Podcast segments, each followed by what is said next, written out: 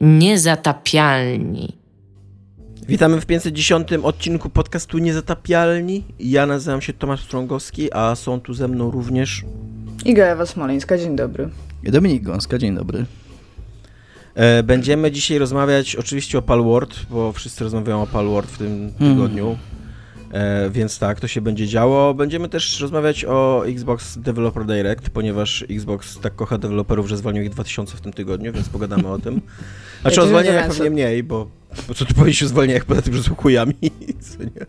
E, ale o tym, co pokazali na tym Developer Direct, to, e, to, to pogadamy. I być może pogadamy o tym, że gry Lariana nie będą trafiały do usług subskrypcyjnych i o tym, co myśli Larian, a dokładnie szef Lariana, Winke. Sven Winke, o usługach subskrypcyjnych i co tam y, mu też ludzie inni piszą na ten temat. Bo to raczej jest przyszłość i to nawet dosyć ciekawe, e, więc tak, więc być może o tym też będziemy rozmawiali. Więc Iga, w tym tygodniu Palworld się wydarzył, wybuch. Tak, co to ja jest? Muszę... O co chodzi? Co się wydarzyło?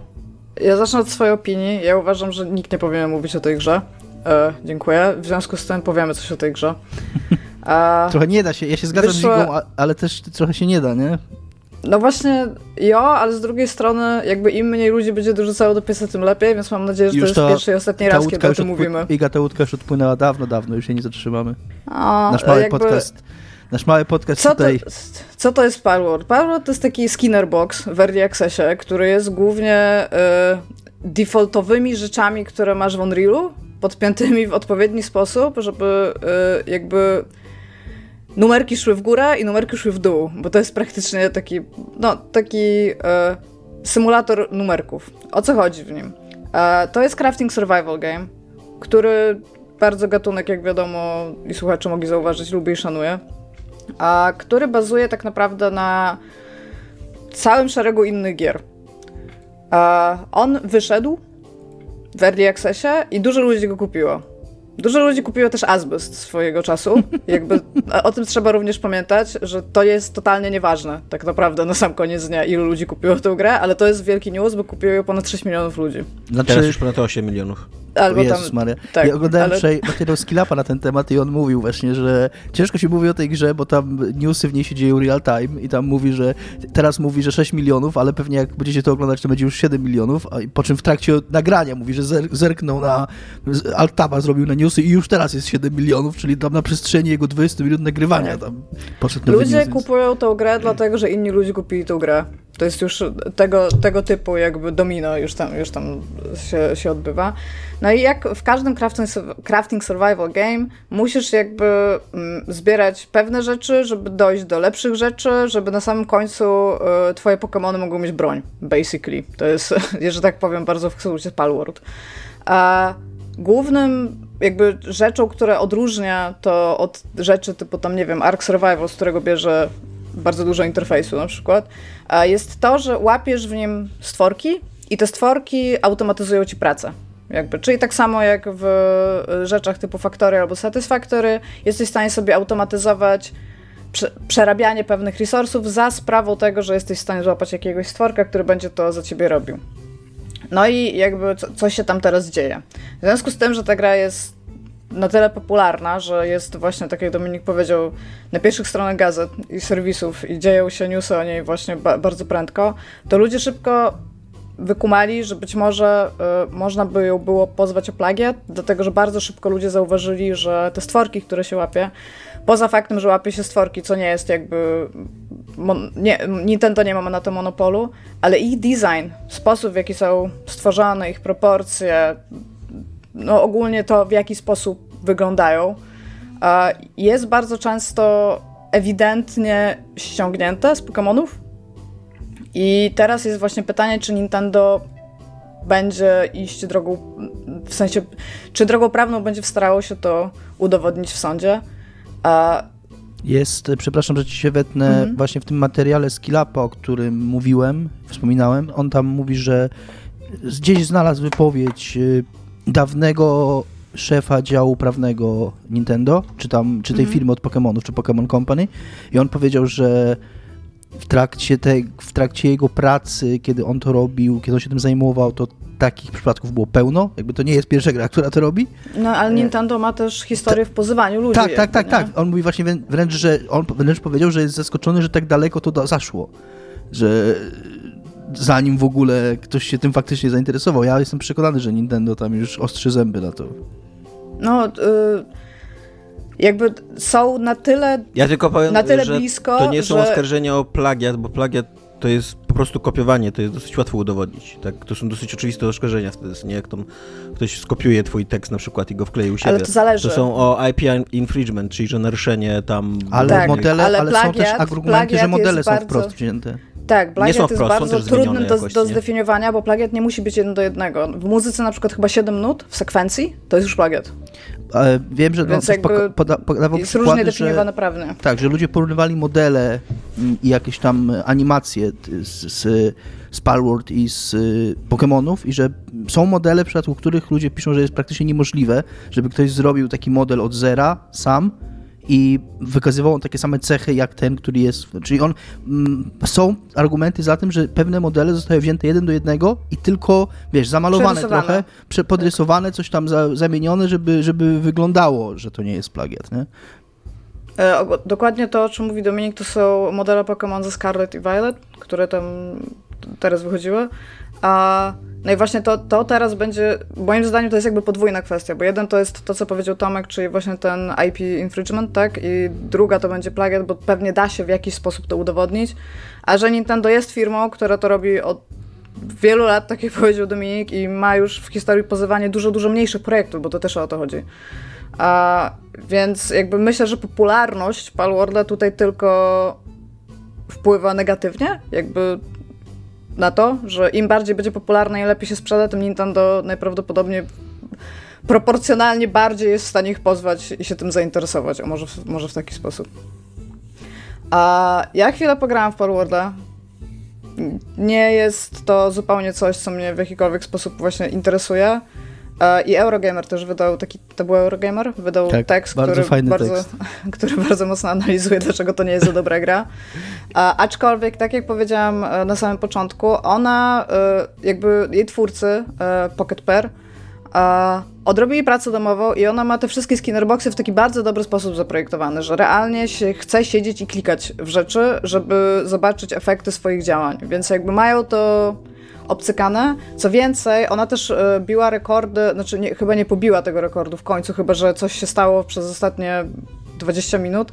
E, jeżeli chodzi o naraz grających graczy, jakby na Steamie, tam było około 2 milionów, trochę, trochę mniej, tam chyba ty, ty milion siedemset Chyba jest tysięcy? na drugim miejscu, jeżeli chodzi o w ogóle w historii grę, której się udało tak. zebrać najwięcej graczy naraz. Tak, przy okazji, e, w związku z nią Epic tam też musiał zwiększyć e, naraz grających graczy na serwerach, bo mieli to skapowane to chyba na 750 tysięcy. Więc dialu, jakby tak? no. Coś, coś... tak, w sensie no tak, Epic musiał jakby e, odkręcić kurek na, na serwerach, żeby więcej ludzi mogło grać. No więc jakby jest to osiągnięcie, a może w ten sposób. Czy chciałabym, żeby gracze grali w troszeczkę mądrzejsze gry? Tak, byłoby super, no ale Też, jakby... Nie, ale nie wiesz, sądzę, żeby to... pół miliona ludzi nagle zaczęło grać w Disco Elysium naraz, nie? To też nie jest jakieś, nie wiem, niegrywalne gówno, co nie? Bo... Tak. Właśnie to, to tak jest jak coś... powiedziałam, nie, jest po, Pomimo tego, że Eurogamer napisał bardzo rzetelną krytykę, to na przykład IGN napisał recenzję na 8 na 10, nie oceniając grę. Ale IGN jest, i, ma i też tendencje jest... historyczne do bardzo ma, tak sobie ale... oceniania gier i nie wierzę za Eurogamer też ma takie tendencje. Tak, ma. E, ja, ja chciałem się tutaj bardzo zgodzić z tym, co powiedział Tomek, bo ja z kolei na Eurogamerze w komentarzach wypatrzyłem bardzo fajny komentarz, gdzie ktoś y, podawał trzy bardzo sensowne argumenty, dlaczego ta gra odniosła taki sukces. I dwa pierwsze był takie, że to styczeń i nie ma gier, a drugie jest taki, że Pokémony ostatnio były słabe. Jakby, tak, Pokemony Game Freak crunchuje mocno i to nie są dobre Pokémony mają długą historię wydawania słabych gier i po prostu jakby rzeczywistość czekała na to, żeby pojawiła się konkurencja dla Pokémonów i oni wszystko wskoczyli, ale trzeci argument mi się najbardziej spodobał i właśnie był taki, że wszyscy się spodziewali po tej grze, jak ona była zapowiedziana, że to jest kolejny scam, że to będzie coś w stylu The Day Before, bo to tak wyglądało, że będzie taki asset swap, który po prostu będzie udawał grę, a potem naciągnie ludzi na kasę i ucieknie z tym.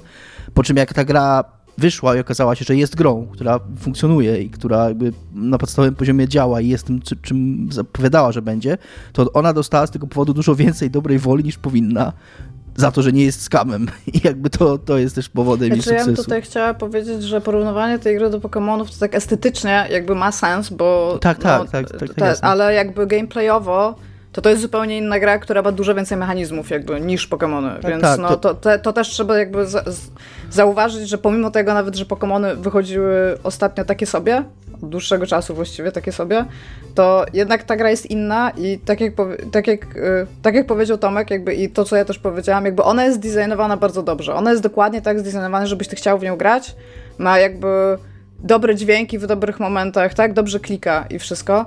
E, to, co mi się w niej nie podoba, to znaczy, mówię, to jest jeszcze early access, to też jest ważne.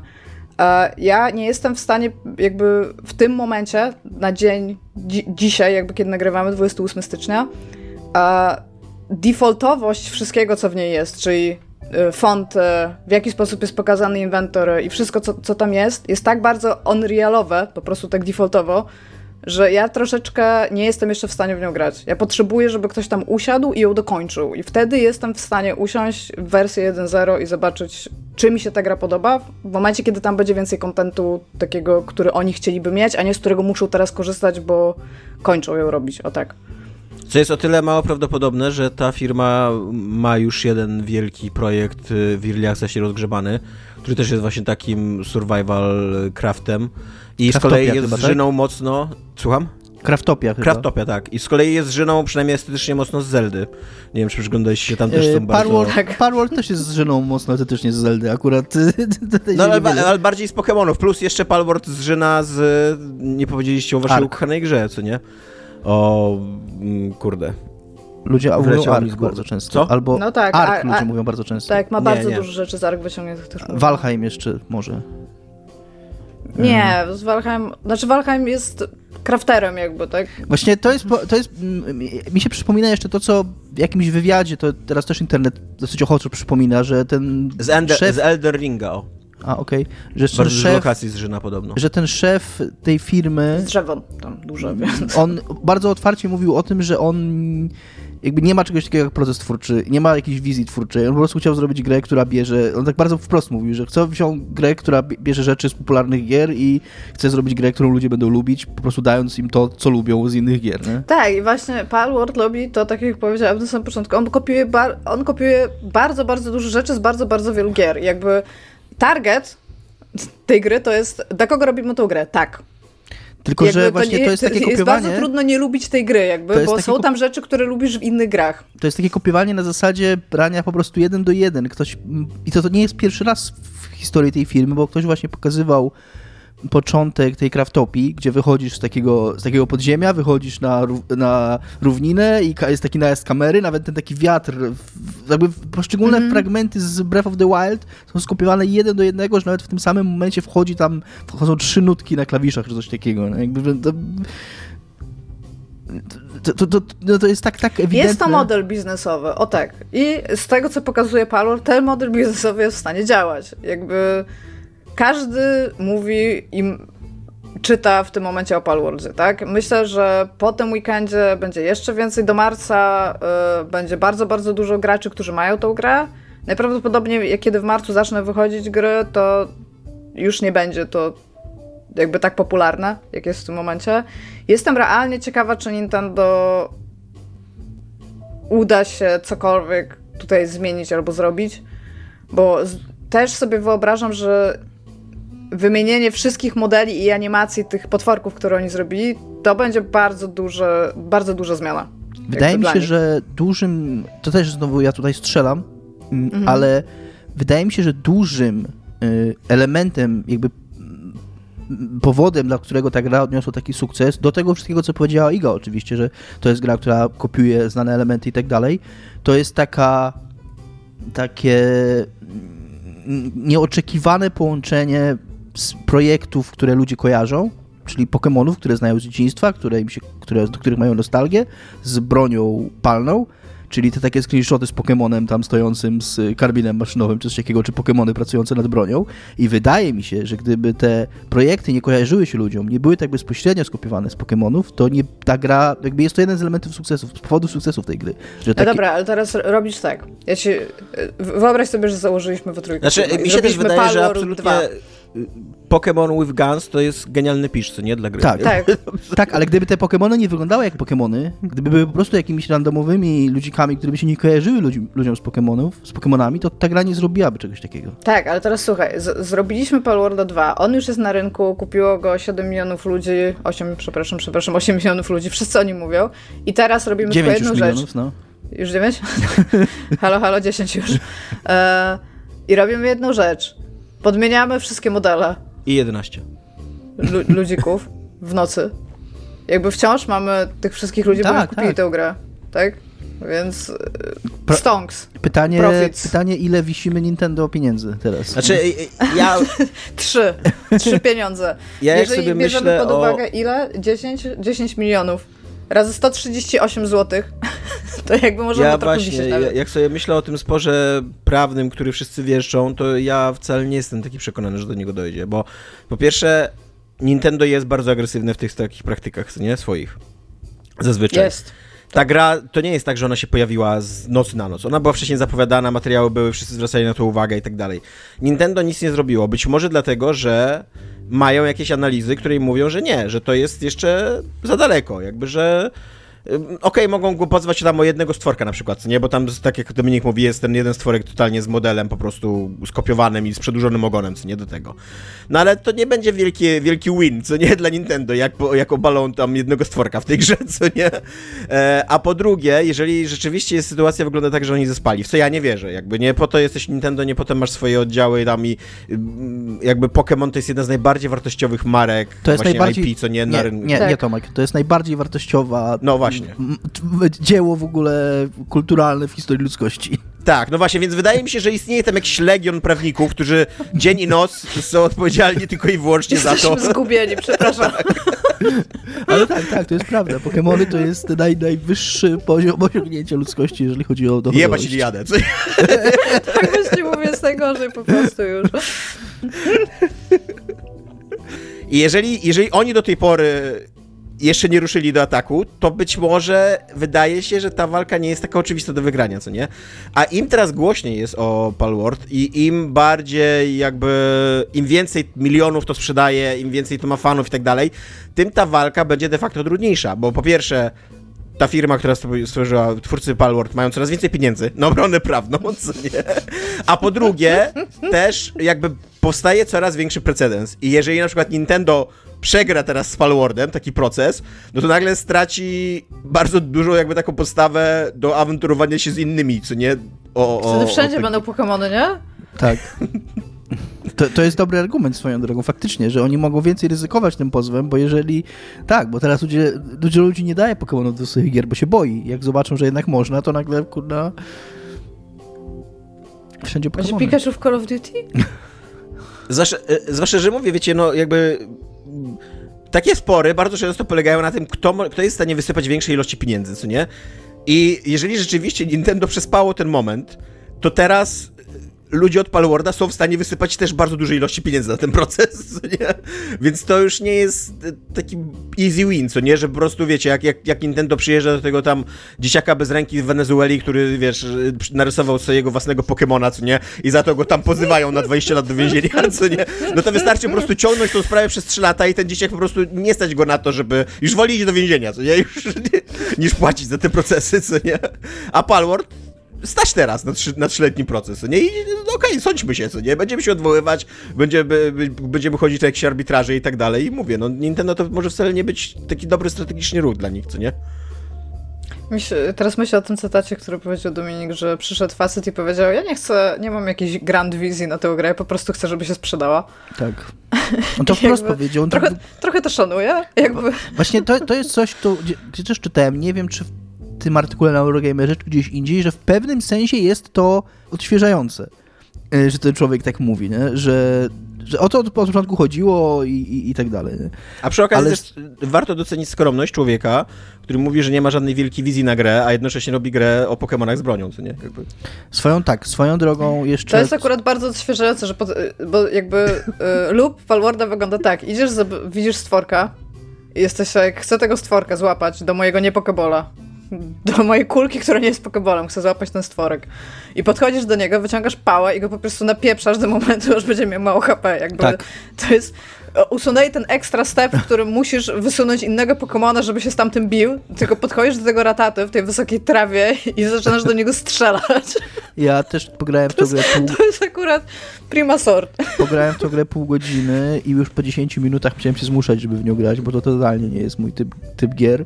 I jak mi wyskoczyło, że moja kurne, mój kurczak, którego złapałem i wrzuciłem do swojej fabryki, znaczy do swojego obozu, który był tak naprawdę jednym biurkiem, który stał na polanie, że będzie się stresować, jak mu łóżka nie zbuduje ten kurczak, to, to, nie, to nie Czemu nie zbudowałeś łóżka swojemu kurczaku? nie wiem. Ale jednocześnie ten obóz twój to jest trochę obóz pracy dla tych Pokémonów, bo tak, one tam, jest, każdy jest, ma swoją jest, funkcję. To jest tak. bardzo obóz pracy. Ej, można też a, a też y, dla mnie, tak, dla mnie najbardziej urzekające są takie widoczki tych takich latających Pokémonów, które mają wyrzutnie rakiet takie, tak wyglądają jakby tak nad Wietnamy leciały i napalm zrzucały po prostu. Nie, tak, taki kiutaśny w ogóle niebieski smoczek taki, co nie dla dzieci i e, kurde, jedziemy tam, nie? Raid Valkyrie.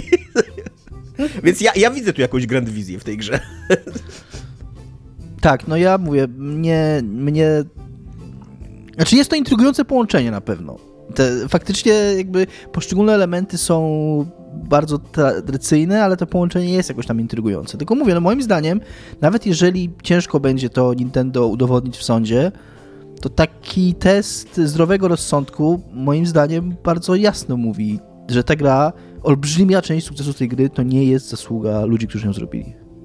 Tylko pracy czy kogoś innego. Ogólnie tak, aczkolwiek ja wciąż chcę powiedzieć, że jak na crafting, to, to jest bardzo, to jest to jest bardzo zdesignowane, nie będę tutaj mówić, czy dobrze, czy źle, crafting survival game. Ja Swoją tylko drogą, chciałabym, to, są, żeby to... on był żeby on był już był w wersji 1.0, żeby tam już były podjęte wszystkie decyzje, które miały być podjęte. Ja wtedy bardzo chętnie usiądę i zobaczę, czy się będę w niego dobrze bawić. Jak ja w niestety... tym momencie dla mnie osobiście jest za wcześnie. Jestem, nie jest, no nie, ja nie lubię tych gier. Uważam, że ich wielka popularność jest y, szkodliwa i i, Wiesz, że nie musisz i, mnie grać, nie? I, I, uważam, że ty personalnie, Iga, jesteś za to odpowiedzialna. Ta, ja jestem za... Nikt nie lubił tych, tych gier i przyszłam ja. Tak, tak. Powinnaś za to odpowiedzieć. Razem z twórcami Palworld. Możecie siedzieć w jednej celi, tak powiem. Ja powiem tak, e, co cię pewnie ucieszy. Pomimo tego, że nie dodaję nowych bossów do Valheima, to przychodzę go po raz kolejny. I jeszcze przy okazji mam jeszcze jeden survival, survival crafting game odpalony na innym multi. Na innym monitorze. Momencie. Nie, no w sensie tak. więc, więc jakby jestem znowu na tym wagoniku y, rzeczy, które, y, w których się gra 160 godzin, żeby je przejść i przechodzę jeszcze raz. Nie wiem dlaczego, nie mam pojęcia, ale jestem strasznie w nie wciągnięta. I chciałabym bardziej lubić Palworld, bo ja lubię Pokémony i lubię fakt, że teraz można do nich strzelać. to, to jest super. ale jakby, no nie wiem, no nie siadło mi, no. Ja mm, wiem, że te gry bywają tak nazywane, ale to jest pierwsza gra, w której podszedłem do drzewa i zacząłem bić drzewo, drze, drzewo pięściami i wypadło drewno z drzewa za to, że je biłem pięściami. Ja w ogóle nie gram w takie gry. Mnie one w ogóle nie, nie ściągają. Jakby to, ja, ja mam już problem z open worldami, że to są za duże i zbyt uzależniające gry i takie, że tam wiesz, muszę 80 godzin na nie poświęcić, no. żeby je przejść. Jakby tak jako, jako zwierzę fabularne, to w tym te 80 godzin już mnie boli. A jeszcze jak tam ktoś dodaje crafting i survival i jeszcze te wszystkie mechaniki, tak jak ty mówisz, takie uzależniające, takie, żeby tam tak. wszystko ci rosło i tak dalej, no to gdybym ja się wciągnął w taką grę, mam nadzieję, że to nigdy nie nastąpi, ale to, to, to by był koniec mnie jakby, to, to by mnie zabiło, co nie? no bo to by, to by trwało jakieś, nie wiem, 7 tysięcy godzin, co nie? Żeby... Przy, przy okazji te gry zazwyczaj nie mają końca, więc wiesz... To jest w ogóle jak Nie, mają końce. No jak mają, umrzesz? mają. Crafting Survivor Game mają, zwykle masz jakiegoś bossa, do którego pracujesz, żeby sobie zrobić odpowiedni armor i skillset, żeby móc pójść go zabić, więc jakby masz zakończenie tej gry. I Palworld ma zakończenie takie realne? Nie wiem. To jest jeszcze, znaczy w sensie, nie wiem, nie przeszłam tej gry, ale jako, że to jest Early Access, to Early Access najczęściej działa tak, że właśnie nie ma endgame'u. I w pewnym momencie ta gra się po prostu tak ucina. Tak, tak było teraz w Vampire Survivors, jak grałam, teraz tak jest w Valheimie, że po prostu w ja pewnym momencie nie masz kolejnego bossa. No tak, a jako, że jest, a jako, że, że jest perspektywa na to, że będzie wieczny early access, tak jak ta Craftopia, no to istnieje taka perspektywa, że ta gra nigdy nie będzie miała końca. Bardzo mnie tym literalnie będziesz grał... że no. mają już jeden wielki, rozgrzebany tak. tego typu projekt w early accessie, bo teraz już po prostu przestałam wierzyć w fakt, że Palut kiedykolwiek wyjdzie, ale za jakieś 5 lat pewnie ugryzie nas dupę news, że Parrot jest w wersji 1.0 i będzie, że ma w końcu premierę. Jest... I to e, wróci. Tak. Chyba, że za 5 lat będziemy żyli wszyscy w świecie Palworda, tak jak dzisiaj żyjemy w świecie Fortnite'a, nie? Tak, jest to możliwe. Ja chciałem Już powiedzieć, że chciałem was pogodzić. Chciałem was pogodzić w temacie, czy ta gra ma koniec, czy nie ma koniec, czy takie gry mają koniec, czy nie mają końca, że również Minecraft ma koniec, ale nikogo to nie obchodzi. A. Zabijesz jeden dragona, hello! Tak. Minecrafta też się nie wciągnęłam. I te, też pomyślelibyście, że powinnam. Ja zrobię w Minecrafcie to, co każdy mężczyzna powinien w życiu zrobić. Zasadziłeś drzewo? Zasadzić drzewo, spłodzić syna i w Minecrafcie zbudować wielkie przedłużenie z własnego penisa sięgające niebios i otrzepałem ręce i uff, moja tutaj robota z Minecraftem zrobiona. Ja zrobiłem w Minecrafcie tylko to, co każdy mężczyzna powinien zrobić, czyli wykopałem dół, zakopałem się w nim na noc i przeczekałem aż winie, aż te zombiaki przejdą wszystkie i tyle. Grałem, nie wiem, z 3 godziny może w Minecrafta. Ale nie, jakby nie zamierzam grać w Palworda, ale też ja nie mam jakichś wielkich takich etycznych problemów z Palwardem, yy, jeżeli chodzi o okradanie Nintendo, bo jakby Nintendo należy okradać, nie, no Nintendo trzeba okradać, Nintendo jest ten tak. zły, co nie? Ogólnie zjedzmy milionerów, z tym nie mam żadnego tak. problemu. Ale I, może jeść te...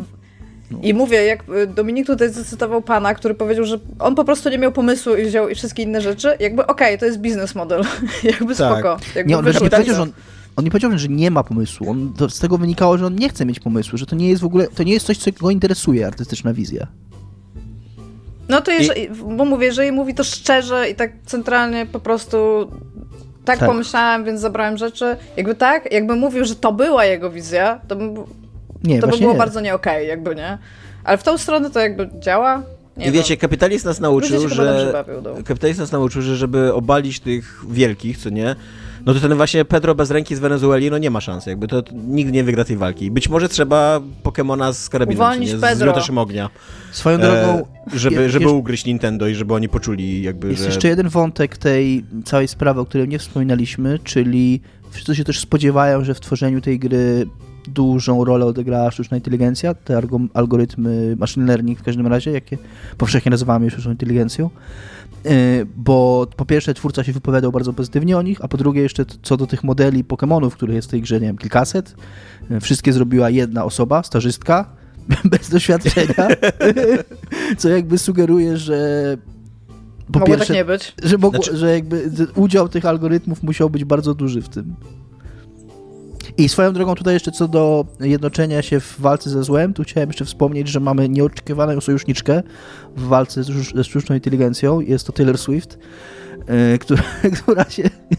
Bo w, jakoś w ostatnim czasie była afera z tym, że na Twitterze pojawiły się generowane przez, e, przez te algorytmy obrazy pornograficzne z Taylor Swift w kontekście e, futbolu amerykańskiego i ona zapowiedziała jakieś ruchy prawne w stosunku właśnie do tych... Będziesz sądzić, że sztuczną inteligencją? Tak, tak, tak, tak. Więc jakby y, można być różnych sojuszników i akurat Taylor Swift i jej legiony y, kultystów myślę, że warto mieć po, po swojej stronie, więc jakby jest to, znaczy, to nieoczekiwane, ale, ale dobry. To będzie bardzo biali ludzie to będą, tak ogólnie.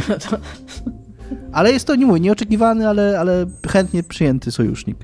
Mi się wydaje, że wszyscy artyści tacy właśnie głównonurtowi, którzy sprzedają mnóstwo rzeczy E, są przeciwko sztucznej inteligencji, bo to im po prostu bardzo zagraża, co nie? Jak y, jest mnóstwo próbek ich głosów w domenie, znaczy, no nie publicznej, ale jakby i, i stworzyć właśnie sztuczny utwór z ich głosu, to nie jest problem, co nie?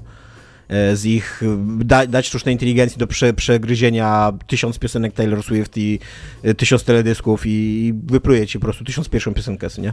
Tak, Zgadzam A natomiast... Się? Mniej roboty do Taylor Swift z drugiej strony, ale, ten, ale ten wątek pornograficzny jest dużo, wydaje mi się, taki łatwiejszy do... E, nośny do, medialnie. Nośny medialnie i łatwiej na nim zrobić, zdobyć sympatię mm, ogólnego społeczeństwa.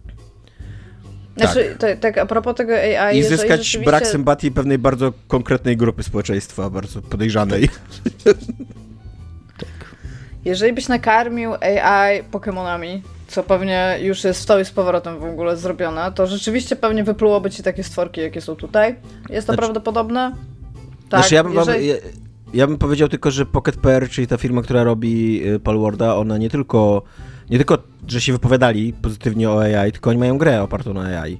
AI Art Impostor, to jest trzeciej, trzeciej ich marka, trzeciej ich, e, e, który, który A tak jest naprawdę to są taką, wszystkie marki, no. Taką party game trochę, że tam grasz w cztery osoby po prostu i każdy ma namalować obraz na dany temat i, i AI to rysuje i nie wiem jak tam później się rozwiązuje, kto lepiej namalował, bo nie grałem w tą grę oczywiście, ale ona cała bazuje na tym, że ten obraz jest budowany, przy, malowany przez jakiś Midjourney czy jakieś coś innego, co nie?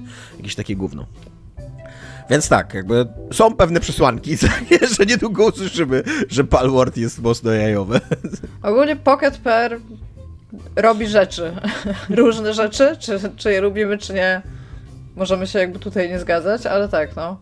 Jakby są pewne granice, które przekracza Pocket Pair, bym powiedziała w kilku Natomiast do, dosłownie as we speak, bo tak jak Dominik mówił, że się pojawiają newsy o, o Palwardzie cały czas, to as we speak, tuż przed, tuż przed włączeniem odcinka okazało się, że Pocket Pair y, będzie wydawcą, nie deweloperem, tylko wydawcą, bo deweloperem jest firma, która się nazywa Frontside 180. Jak firma się nazywa Frontside, to być może jest po prostu frontside'em czegoś, jakiś Palwarda. Być może.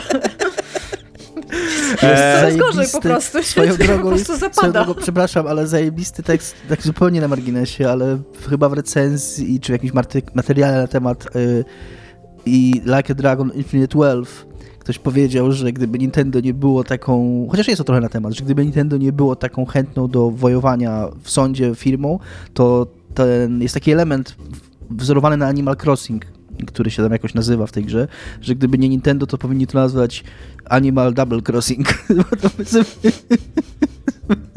to jest zajebiście śmieszne. No więc w każdym razie, wracając do mojego tematu, ta firma Frontside 180, która jak się kliknie na Steamie w nią, to po prostu jest pal, tym, tym Pocket PR, co nie, więc no, Wszystko wygląda bardzo to, legit, jakby tak, co, no. Oni teraz zapowiedzieli Metroidvanie z kolei, ne, e, Nevergrave, e, tak, która polega na tym, że tam... E, że, że oczywiście masz crafting, oczywiście łapiesz jakieś potworki też w tym i oczywiście tam budujesz swoją bazę i te potworki robią, wykonują dzisiaj pracę w tej bazie, ale ogólnie jakby ten główny gameplay loop to ma być Metroidvania, że jesteś sobie czapeczką, która przejmuje władzę nad taką wojowniczką ale może też przejąć władzę jakby nad każdym potworkiem w grze, nie? Więc możesz być hmm. każdym potworkiem w grze. Ta gra ma identyczne tła, znaczy no oczywiście pewnie nie identyczne, ale bardzo podobne tła, co ma Hollow Knight. Jakby tak oglądasz to i sobie myślisz, kurde, gdzieś już widziałem tę lokację. gdzieś już widziałem tą estetykę całą i, i, i tak, no i to też może być Myślisz, że to kiedyś taki... będzie taki wyznacznik za kilka lat, że jak e, wydasz jakąś grę i ona będzie spoko, to będziesz czekał aż Pocket Pair ci coś z niej ukradnie, wtedy wiesz, że osiągnąłeś sukces? Mam Jest nadzieję, tak w końcu. Nie. nie, w końcu Pocket Pair zacznie kopiować, tak jak AI zacznie kopiować swoje własne Sam, gry. Same siebie. Tak.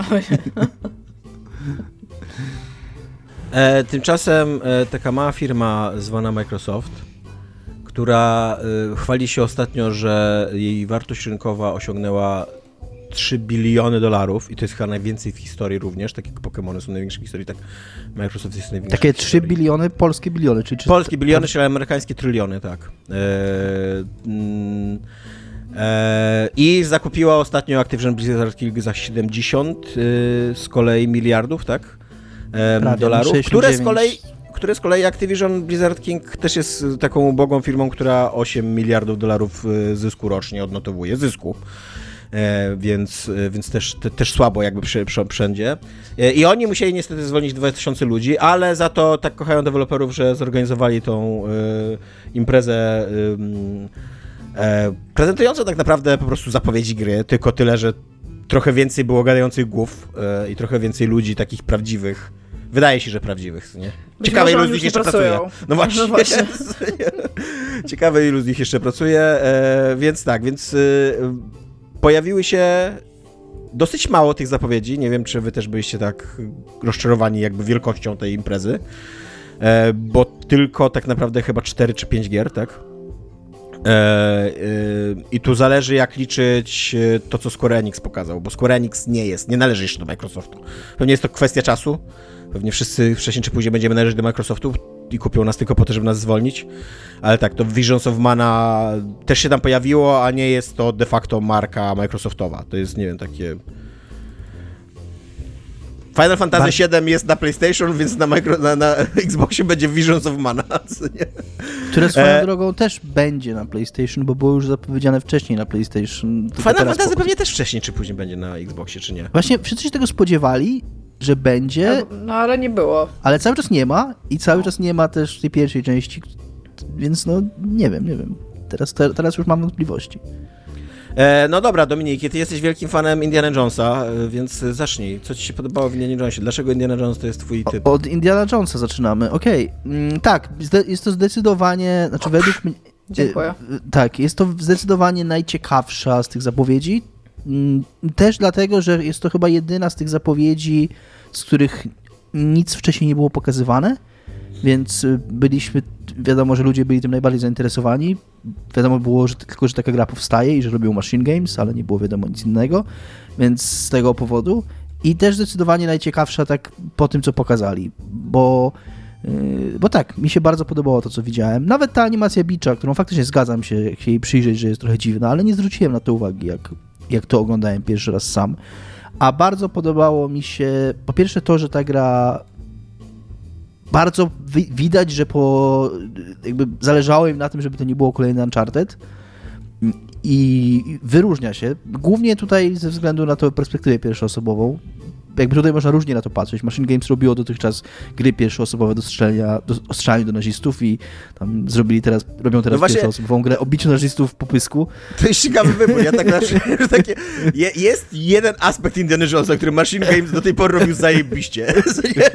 Zabijanie nazistów. Czy to wystarczy, żeby, żeby zrobić grę o Indiana Jonesie?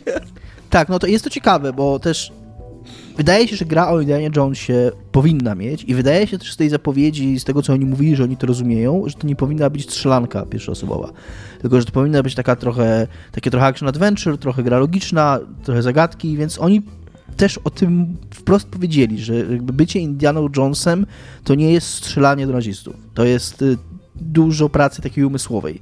Więc to zabrzmiało mi bardzo fajnie. Na uniwersytecie w ogóle. Będzie, będziesz prowadzić Chciałam powiedzieć, że ja trochę, trochę, trochę znam Indiana Jonesa i to nie jest tak, że on jakoś bardzo mocno intelektualnie jest pokazany pracujący no w tak, swoim ale, franchise. Wiesz, chodzi o takie bardziej kombinowanie, rozkminianie, pracę koncepcyjną, nazwijmy to, to co nazywamy, kiedy stoimy i myślimy po prostu. Nad rozwiązaniem zagadki Majów, czy nie? Tak, więc to, i oni powiedzieli, zwrócili na to uwagę, powiedzieli, że będą zagadki logiczne, co mnie bardzo ucieszyło, po czym... Chyba było pokazane nawet. Tak, po czym wspomnieli też, że dużo zagadek logicznych będzie opcjonalnych. Wydaje mi się, że to jest coś, czego się twórcy gier, przygodowych gier akcji strasznie boją, patrząc na te pomysły, które się pojawiały ostatnio, choćby w God of War, chyba najbardziej znane boją się strasznie zagadek i zmuszania graczy do rozwiązywania zagadek, więc zobaczymy, jak to wyjdzie. Z bo to strony... to w ogóle to zrobili najgorzej, bo nie dość, że no, każą ci rozwiązywać, to jeszcze nie dadzą ci ich rozwiązywać. No właśnie jest... tego nie kumam totalnie. Mm, więc zobaczymy. Za tym stoi po prostu matematyka sprzedaży. Kiedyś, tak, kiedyś tak, oglądałem taką analizę, że E, przy takich nakładach, jak ma, jak ma God of War, tam chyba 17 czy 18 milionów. Nie na to, żeby ktoś nie skumał, tak. jak rozwiązać nawet, nawet jeżeli by ci 1 czy 2% graczy odpadło przez te to już są takie cyfry, tak, tak, tak, to są setki tysięcy egzemplarzy już, co nie? No i oni sobie po prostu na to nie mogą pozwolić, dlatego muszą ci, ci przepychać przez te... No tak. E, tutaj też pewnie tak będzie, zobaczymy. Podobało mi się jeszcze, że Indiana Jones wygląda jak Harrison Ford, bo nad tym się zastanawiałem i jakby wyglądał jak taka wiecie, jak taki Harrison Ford z Biedronki, trochę to, co zrobił Square Enix z Avengersami, to byłoby takie super wrażenie biedy. Więc faktycznie fajnie, że ten Harrison Ford jest. No to w tym miejscu ja się zastanawiam, czy Harrison Ford miał coś do powiedzenia w tym temacie. Intuicja podpowiada mi, że tak, że raczej jeszcze nie jesteśmy na tym etapie, że umowy są konstruowane w taki sposób, że, że Disney mógłby to zrobić bez jego wiedzy. Zwłaszcza, że on pewnie zaczynał pracę nad nie wiem, w latach 80., tak? Więc to pewnie jeszcze są takie umowy, więc wtedy chyba nikt tak. jeszcze nie myślał o tym, żeby użyczać tam wizerunku na potrzeby sztucznej inteligencji, co nie? Tak, tak. A, raczej... a chyba, że myśleli bardzo przyszłościowo. Jakby nie raczej, możesz założyć, że nie. A raczej już będąc teraz... Chyba, że taki Harrison Ford poszedł na latach 80 taki młody do swojego prawnika. Słuchaj, co są zapisy o tej sztucznej inteligencji? Nie wiem, jakiś science fiction w ogóle, podpisuj, co nie?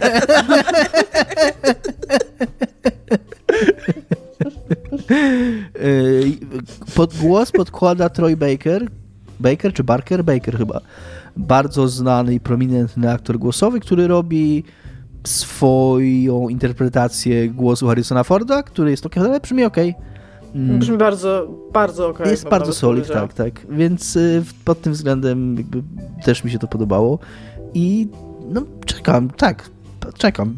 Brzmi to dobrze, ma, wygląda to dobrze. Ja tylko jeszcze powiem, że Machine Games, bo chyba o tym nie powiedzieliśmy. Powiedzieliśmy, że robią gry o do nazistów, a nie powiedzieliśmy jakie. Więc Wolfensteiny trzy nowe zrobić. Tak, Cztery. Tak, tak, tak. Jedynkę, dwójkę, dodatek do jedynki i dodatek do dwójki, który jest standalone tak naprawdę dodatkiem. Eee, I nie masz tak, że ta twarz z Harrisona Forda to jakby w takich yy, cutscenkach, które widzisz, że one są wyreżyserowane, że one będą cutscenkami w nie? To on wygląda dobrze, ale jak go pokazują później w jakichś takich bardziej normalnych sytuacjach, to już wygląda tak dziwnie. Nie wiem. Może tak, ale tych normalnych sytuacji nie będzie za dużo.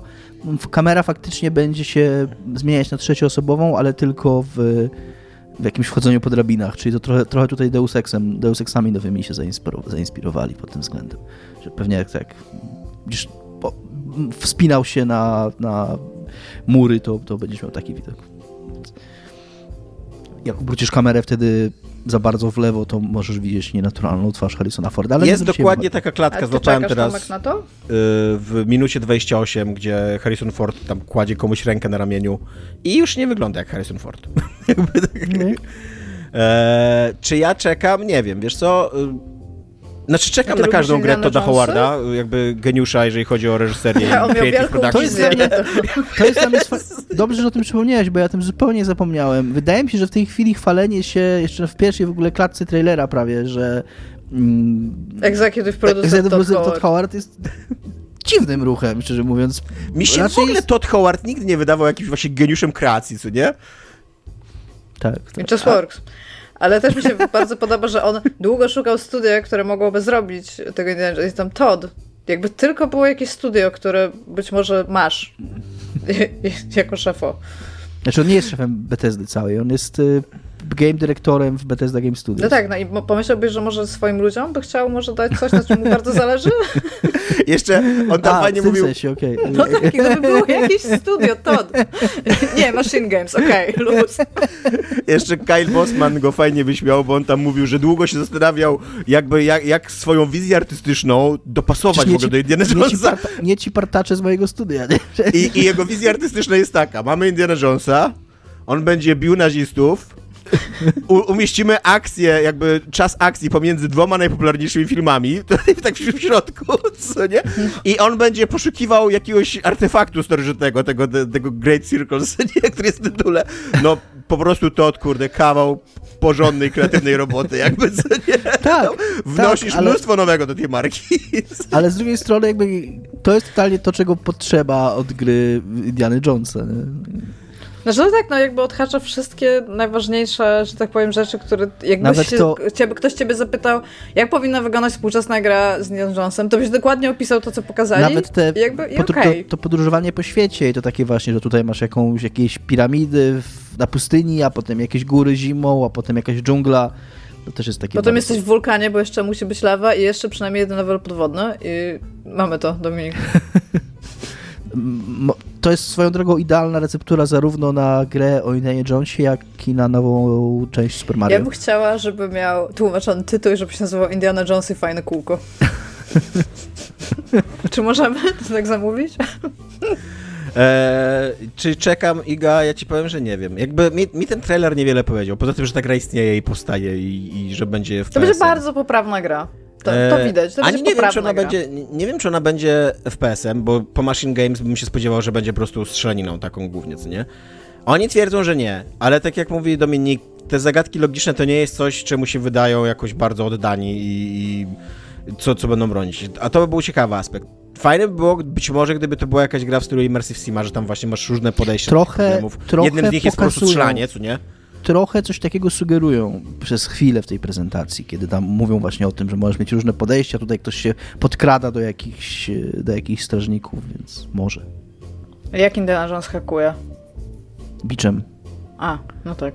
I pięścią, co było bardzo dużo pokazane. E, no, pokazuję wam ja teraz w ogóle tutaj... nie czekam. Ja w ogóle, w ogóle nie czekam. Jest, y, wydawało mi się, że jakby bardziej mi dygnie, jak usłyszę Indiana Jones, bo jednak wychowałam się na Indiana Jonesach. I wciąż uważam, że e, Riders of the Lost Ark to jest e, arcydzieło tego typu filmów. Ale no jakby nie. Zupełnie, zupełnie nie jestem zainteresowany tak. Ale to wydaje się bardzo mocno o Riders of the Lost Ark, tylko tak, in, tak. inni I naziści i... i... co innego będzie im topić twarz na koniec, nie? Ja bym chciała powiedzieć, że y, Indiana Jones wprowadził postać historyka sztuki w Riders of the Lost Ark i to był bardzo zły nazista, ale przynajmniej mieliśmy historyka sztuki w popkulturze i to jest, to jest ważne. E, tymczasem druga taka gra, która, na którą Dominik ma dużo do powiedzenia, bo Dominik kocha Obsidian, to jest Avowed, Dominiku. E, Ale ja nie Zapra- mówię nic teraz. Tak, Avowed. Za- Avowed, e, tak. Mm, ta prezentacja Avowed była ok, była w porządku, to znaczy na pewno ta gra wyglądała na niej lepiej niż wyglądała na pierwszym trailerze, który pokazali, bo pierwszy trailer spotkał się z dosyć e, Mm, negatywnym odbiorem przez stylistykę, jaką Obsidian wybrał do tej gry. Raczej nie kojarzyła się ona z Pillarsami, bo to jest gra w świecie Pillars of Eternity. Teraz po, tym, po tej drugiej prezentacji widać, że coś się zmieniło, jeżeli chodzi o kierunek artystyczny, czy to kolorystyka, czy to, no nie wiem, coś tam, coś tam zmienili wygląda to dużo lepiej. Wygląda to tak, jeżeli chodzi o to, co pokazali ze świata, z tego, mm, z tej ogólnie, jak, jak, no jak ta gra wygląda, tak koncepcyjnie to mi się bardzo podobało, jakby tutaj jestem bardzo na tak. To, co wyglądało strasznie, strasznie źle, to walka. I to chyba wszyscy zwrócili uwagę. Te elementy, kiedy jest pokazane, jak ludzik bije inne ludziki, wyglądały strasznie sztywno, strasznie tak nie, niedynamicznie. I swoją drogą, to chyba Tomek nam w prywatnej rozmowie, jak, jak pisaliśmy, pisał, że kurna, od Skylima nic nie zostało wymyślone tak, w tym no. temacie. Ja chciałem powiedzieć, że to wygląda gorzej niż Skyrim jeszcze. Walka, walka wręcz w FPS-ie moim zdaniem bardzo, nie wiem, trudno mi w ogóle z głowy sobie przypomnieć grę, której to było fajne, Podobno dobre i działało. Dark Messiah of Might and Magic zawsze uchodziła za taką... Kingdom Come Deliverance. Nie. Dark Messiah, Dark Messiah of Might and Magic. Yy, pamiętam, była taka gra i ona uchodziła za taką grę, w której się to udało. Była też taka gra... taka... Co się na nampadzie grało, tak, że trzeba było te takie pchnięcia mieczem robić? Yy, Die by the Sword. O, to tam? Yy, była też taka gra mm, Condemned, Criminal Origins, gdzie się pałą biło ludzi po głowie i tam podobno też ta walka wręcz pałą była dobrze...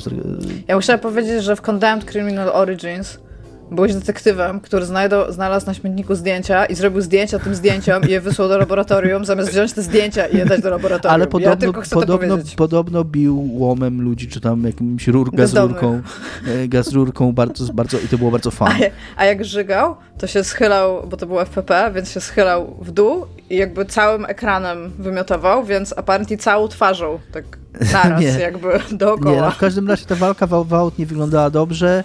Teraz ukazał się, ukazało się również na Eurogamerze taki artykuł bazujący na rozmowie z y, ludźmi odpowiedzialnymi za tą grę, z panią, której nazwiska teraz nie pamiętam, która jest tam główną, główną designerką i kimś tam jeszcze, super dużo wiem na ten temat. No w każdym razie y, Obsidian po pozwolił Eurogamerowi zadać kilka pytań i oni tam mówią, że nie, to nie ma być walka w stylu gry akcji, że tam bardziej ma chodzić o jakieś taktyczne podejmowanie decyzji okej, okay, zobaczymy jak to będzie działać w praktyce, ale na gameplayu, który pokazaliście, wyglądało to sztywno i, i not cool. Notabene, Więc... ja tutaj y, zrobię przypis, że Die by the Sword to nie był FPS, to był TPS. Tak, ja wiem, tą TPS, grę. tak, tak, tak, tak, tak. Ja pamiętam tą grę i ona, i ona, przy okazji nie dość, że była TPS-em, to była niegrywalna praktycznie. Przynajmniej nie była jakaś taka mała sekta ludzi, którzy uważali, że to jest tak, tak. hold dla szermierki i tak dalej, ale jak nie należałeś do tej sekty, to się w nią bardzo ciężko grało tam. Ja się zgadzam, że, że tak, tak.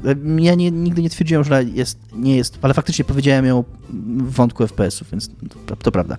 E, ale miała takie sterowanie, tam można było albo na, na numpadzie można było albo chyba wybierać, albo nawet myszką tak swobodnie ręką machać.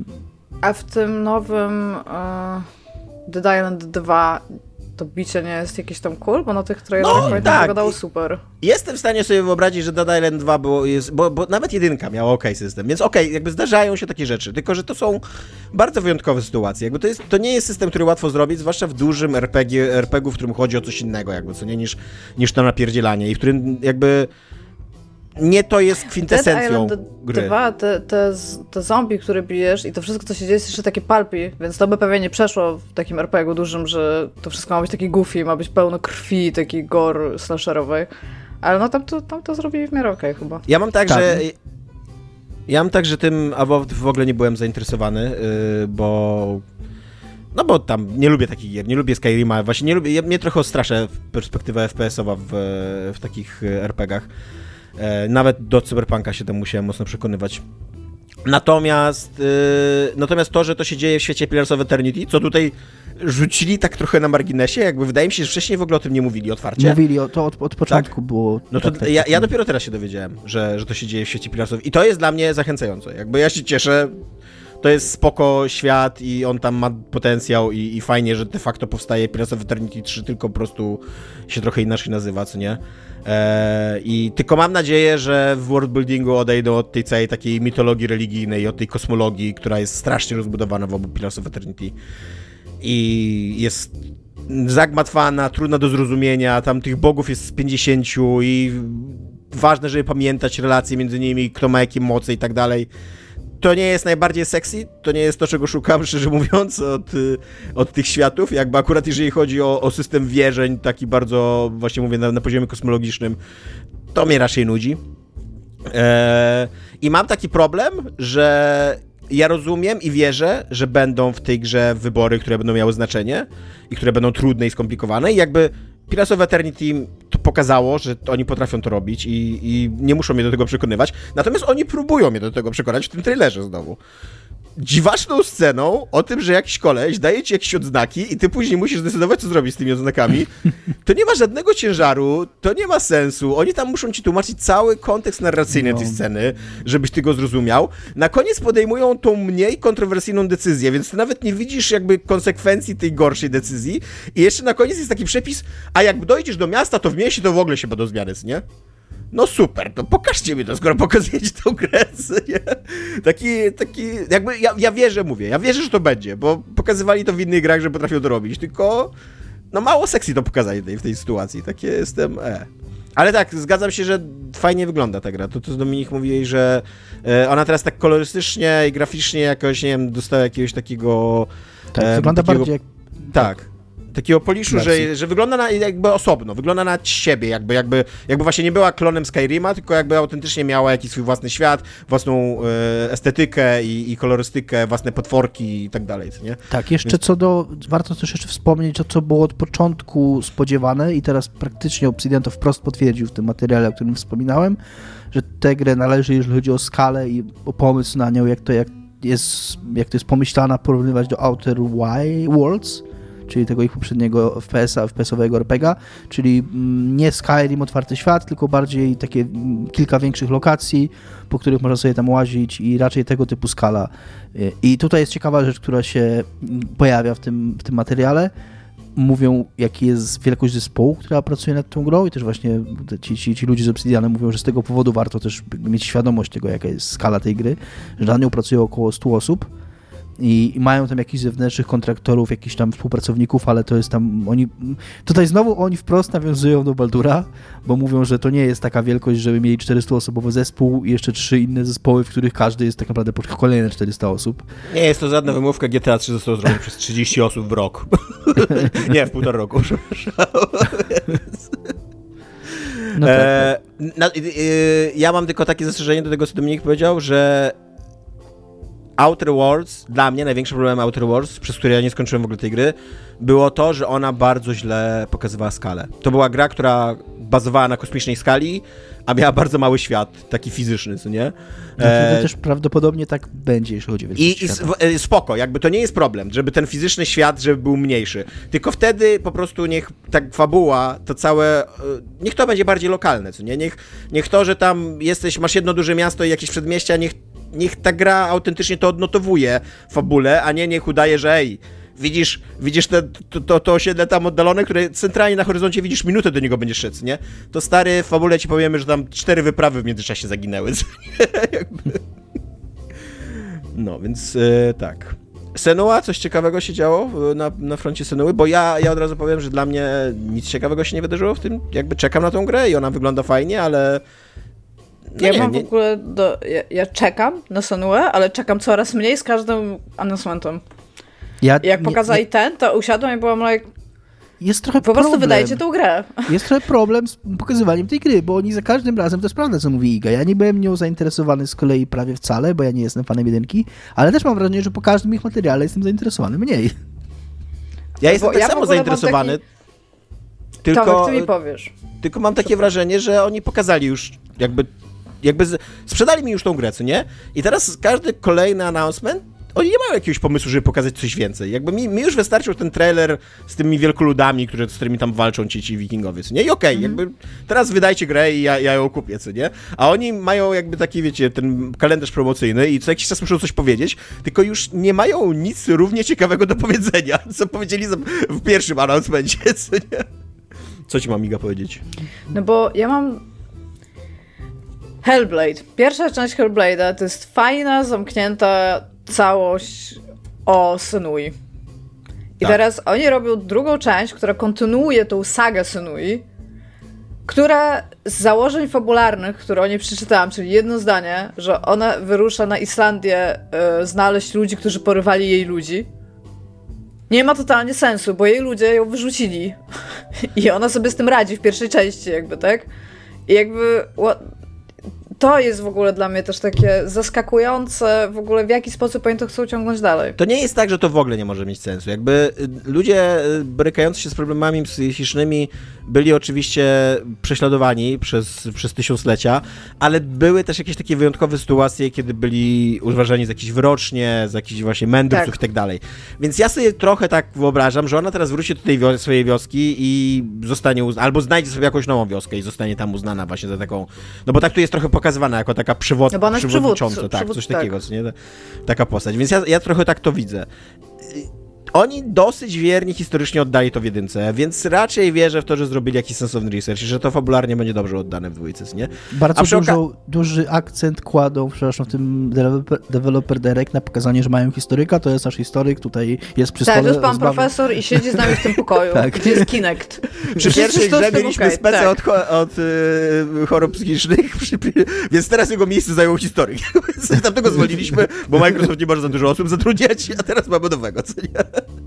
Więc tak. Nie, e... mają też, mówili, że o, o psychozie nie, no tak. rozmawiają też ze Żartuję, tak, no. tak. E... Natomiast to, co mnie cieszy, to, to w ogóle oni chyba, nie wiem, właśnie po jakimś Redfallu albo Star, Starfieldzie dostali jakiś przykaz, żeby nie pompować za bardzo nadziei graczy i, przy, i tak jak przy Avowed powiedzieli, że to będzie jakby mniejszy, w mniejszej skali gra, tak teraz przy Senue też powiedzieli wprost, że tam nie spodziewajcie się, że to będzie jakieś gigantyczne doświadczenie na milion godzin, tylko że to będzie... Jedynka. Tak, że to będzie 10-godzinne, wyreżyserowane doświadczenie, tak, co mnie super cieszy. Tak. Tak. Więc, y, więc tak, I nie dość, że mnie to super cieszy, to też uważam, że to jest mądre, tak, żeby ludzie sobie nie pompowali nie wiadomo czego. Eee. Znaczy to też szanuję mój czas jako gracza, więc ja dziękuję Ninja Theory, że to zrobili. I bardzo mi się podoba, bo na tym trailerze było pokazane, że ich budynek się nazywa Ninja House. Nie wiem, czy zwróciliście na to uwagę? Nie. Dojo się chyba powinien nazywać. No ale tam Ninja House, tu mieszkają tak ninja. To jest mój dog house. E, jest jeszcze nowa cywilizacja, e, Dominiku, czy tak znowu, znowu, teraz ci oddam po prostu dlatego, że ty jesteś największym fanem chyba cywilizacji z naszej trójki. Jestem największym fanem cywilizacji w tym sensie, że raz na jakiś czas wpadam w ciąg i gram przez tydzień albo no. dwa non-stop.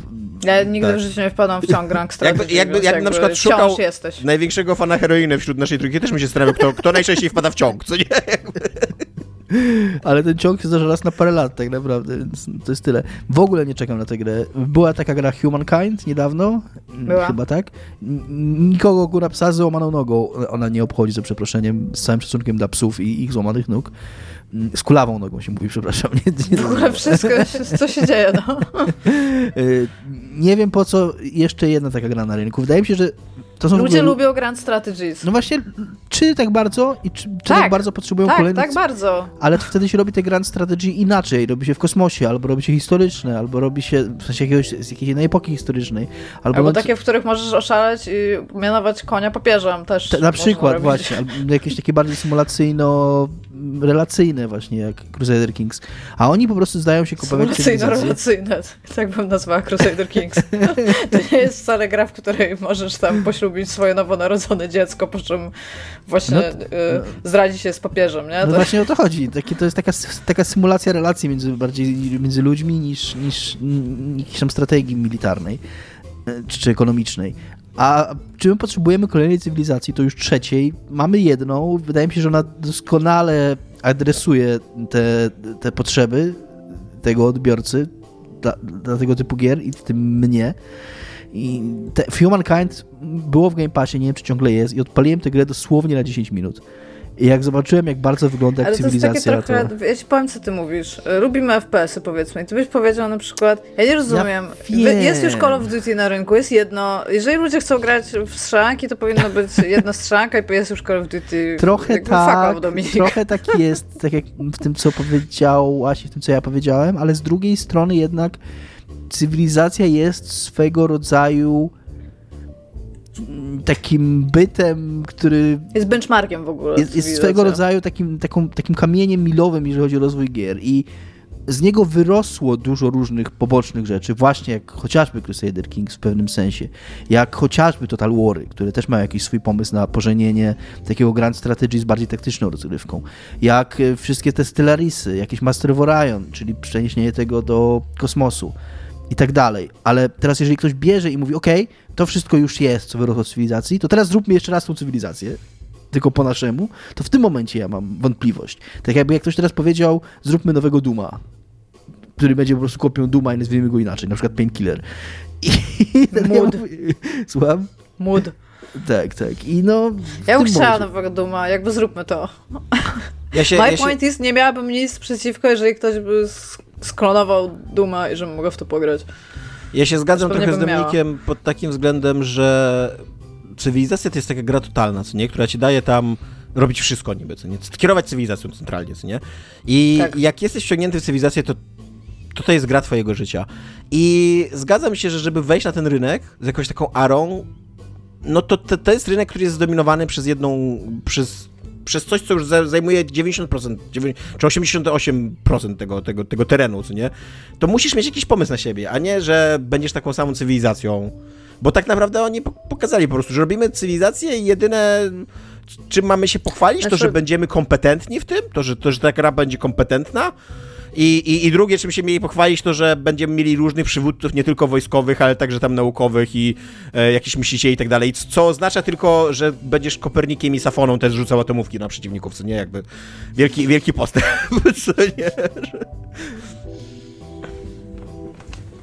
Bo na, na przykład całe ja, takie ja podejście... Ja nie lubię Grand Strategy, ale rozumiem fakt, że jest ich mało i ludzie chcą więcej. Jest tak, z tego co obserwuję anegdotycznie, bo mam takich kilku zatwardziałych fanów Grand Strategies. Jak wychodzi nowa, to oni w to grają. Więc jest jakiś ten taki e, itch do podropania. Swędzonko jest jakieś na, na, to, więc domniemam, że one są kierowane głównie do takich ludzi, a nie tak, do i, właśnie. I wiesz, jednocześnie w, jakby w samym sercu tego gatunku istnieje pewien nierozwiązywalny problem, przynajmniej nierozwiązany przez cywilizację, nie? Czyli właśnie to podejście do postrzegania rozwoju ludzkości i budowania cywilizacji jako tylko jakiegoś wyścigu zbrojeń, nawet, nawet jakby rozwoju, rozwój kulturalny to też jest nadal wyścig zbrojeń tylko na kulturę, co nie? Kto, kto, kto, kto tam, kto najlepszy bardziej dominujące arcydzieło i tak dalej, co nie? I e, wydawałoby mi się, że jeżeli chcesz jakby ugryźć ten gatunek, właśnie tam zabrać trochę tortu cywilizacji, to spróbujesz się zmierzyć z tym problemem, który jest w samym centrum tego gatunku. A oni tutaj w tym materiale wprost mówią, że w ogóle się z tym nie mierzą. Jakby wprost właśnie mówią, że tam, że twoim zadaniem jest zbudować najbardziej, naj, najwspanialszą cywilizację, która będzie lepsza niż inne cywilizacje i tak dalej. Jakby to nie do końca jest cel cywilizacji, żeby być lepszym od kogoś innego. No. Teraz będę o tym myśleć, dziękuję Tomek, bo nigdy w życiu o tym nie myślałam, a teraz będę o tym myśleć. I był taki materiał. Tak. typa od... Errand Signal chyba. Errand Signal, który bardzo fajnie to analizował i tak, tak. Że de facto jakby wszystkie cywilizacje są takie, to, taki, promują takie bardzo nacjonalistyczne właśnie podejście do rywalizacji między państwami i kulturami. Gdzie on też zwraca uwagę, że samo w ogóle takie pojęcie państwowości, na którym się zasadza cały koncept gry cywilizacja jest relatywnie nowy i przez wiele set lat ludzkości w ogóle nie istniało. Kiedy to cywilizacja gra stara się tą historię pokazywać właśnie tak całościowo od, od samego jej zarania. Dobra, i na koniec Visions of Mana. Czy mamy coś do powiedzenia poza tym, że to będzie na Xboxa? Grałam w jedne of Mana, chyba w Secret of Mana. Jest to gra, zdecydowanie. To, co mi się Tylko u nas. To jest jakby głębokie analizy Igi to. To, co mi się w niej podobało, to był fakt, że jest to JRPG, który jest, jest turowy, ale jest, turowy prostu... tylko tak z przymrużeniem się na Patronite, co nie? To jest gra. E, bo tam się biło się i te ludziki, które ciebie biły, miały taki jakby czas e, tego, kiedy mogą zadać kolejny atak, więc to niby jest turowe, ale nie do końca. I co? I są tam stworki i się na takim super stworku biega i mówiliśmy że się o Palwordzie i przez to, że oglądałam to w kontekście Palworda, który teraz jest taki bardzo mocno jakby naprzód, to się zastanawiałam, czy to by jeszcze mogło ujść za Pokemona, czy nie. Nie wiem, czy tak mieliście, jak oglądaliście ten trailer, bo ja tak. Teraz jak go mam wpuszczonego, no to, to totalnie widzę, totalnie jak Te, tam nawet stoi, psa, jeden, to, jeden z twórców stoi z maskotkami z tego, z tego tak. Owmana, tego świata i tak myślę, czy to już jest IP infringement, czy jeszcze nie? więc, więc jakby najbardziej mi się właśnie w tym trailerze podobało to, że przez to, że oglądałam go myśląc o Palwordzie i właśnie tych wszystkich newsach odnośnie do Nintendo, to się tak stałem tak hmm hmm więc... E ja nie czekam. Ja nie jestem fanką wielką tych Owmana. Ja jestem, ja jestem jednym z tych ludzi, y, z tych kolegów IGI, którzy czekają na Grand Strategy i grają wszystkie. Nie, nie jestem, e, jeśli chodzi o japońskie RPG, ale trochę bardziej chyba jestem zaintrygowany tym, bo szczególnie Xbox ma mało tych gier, przez to jak Square Enix zaczął olewać tę platformę, podobno ma teraz ją mniej olewać, za jakiś czas zobaczymy, więc jestem tak troszeczkę zaintrygowany, natomiast ta walka, ona jest być może koncepcyjnie trochę turowa, ale tam jest też dużo takiego biegania po zamkniętym polu i klepania ludzików, maszowania przycisków. I strasznie nie lubię takiej walki w japońskich RPGach z kolei, więc to mnie bardzo odstrasza. Przez to nigdy w Talesy się nie wciągnąłem. Wspominałem już o tym ostatnio. Mam Tales of Vesperia, który, do którego was sześć razy już podchodziłem i zawsze ta walka mnie odrzuca. Właśnie tak samo zrobiona tam. Tomek, Tomek, Tomek. Iga? Tomek. Tomek, co jest u ciebie grane? E, co jest u mnie grane? Jakby e, znacie takie, są często w prasie, są takie e, nagłówki, że najlepszy film roku już jest, a jest dopiero styczeń, nie? To mamy teraz taki nagłówek, mm. najlepsza gra z zeszłego roku już jest, a mamy dopiero styczeń. Najlepsza gra z zeszłego roku już tak. jest. nice. Już jest. Trzymajcie prasę. Więc tak, przyszedłem w, ko- przyszedłem w końcu, kupiłem sobie i przyszedłem Shadow Gambit The Cursed Crew. Eee, Już przeszedłeś jest... w ogóle? Tak, przeszedłem go w tydzień. Przy, tydzień wow. wbiłem 37 godzin w tę grę. Chciałam powiedzieć tutaj słuchaczom, którzy nie wiedzą, Tomek naprawdę bardzo aktywnie mówił nam o tej grze przez ten tydzień, więc tak, byłem, grał. E, mocno byłem w nią wciągnięty, po prostu trochę mi zdominowała życie i, i, i super jest ta gra, naprawdę autentycznie ja bym jej osobiście nie dał 10 na 10, bo jakby nie jest, moje życie nie jest zdominowane przez takie gry i jakby nie jest to dla mnie najważniejszy gatunek ever. Ale rozumiem, że ludzie, którzy grają w takie gry, dla których te, te, te, te stealth strategy y, jest istotne i, i że mogą dać 10 na 10 takiej gry, bo naprawdę ona robi wszystko, co powinna robić, wszystko, co chciałbym od takiej gry, czego oczekiwałem, to tam jest. To jest zrobione jest zrobione zajebiście, nie? Um, takich ogólnych informacji to to jest gra studia Mimimi, um, czyli tego studia, tak, które się zamknęło, bo, bo jego twórcy stwierdzili, że mają dosyć szukania finansowania kolejnych produkcji i tego stresu związanego z jakąś niepewnością i tak dalej.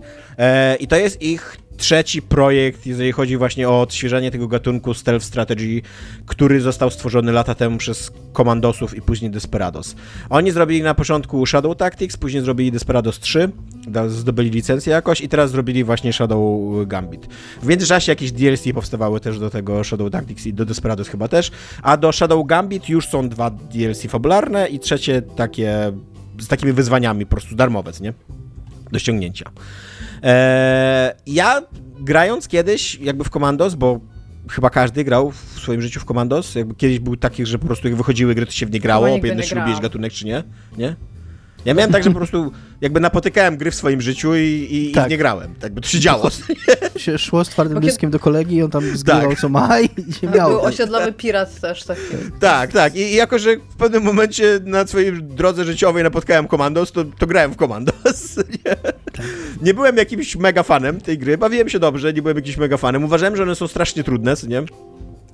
E, ale teraz tak, po latach, e, po latach wróciłem do tego i no jest to taka strategia, w dużym nawiasie strategia, bo to jest bardziej taka gra taktyczno-logiczna, polegająca na tym, że masz kolejne elementy mapy, w stylu tam mm, jakiś budyneczek, jakiś, jakąś ścieżkę, jakiś, y, jakiś pokój i żeby się posuwać dalej, żeby się posuwać do obiektywa, musisz się po prostu albo się skradać przez nie, albo oczyszczać się z przeciwników. To jest totalnie taka gra, że wiecie, że jest korytarz, na którym tam stawiają 20 strażników, co nie? I mówią, pilnuj się tego korytarza, co nie? I oni tak znikają jeden po drugim i na końcu zostaje dwóch i w ogóle nie widzą nic podejrzanego w tym, co się wydarzyło.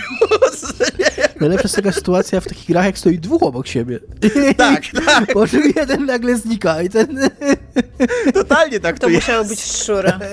Są, są, takie, są takie momenty, kiedy, kiedy się orientuje jakby SI, że tam zabrakło rozmówcy i wtedy on przez moment cię szuka. Oczywiście tylko tam 10 sekund, co nie? Później, później już dochodzi do wniosku, że okej, okay, no człowiek zaginął, trudno się mówi, takie rzeczy się zdarzają.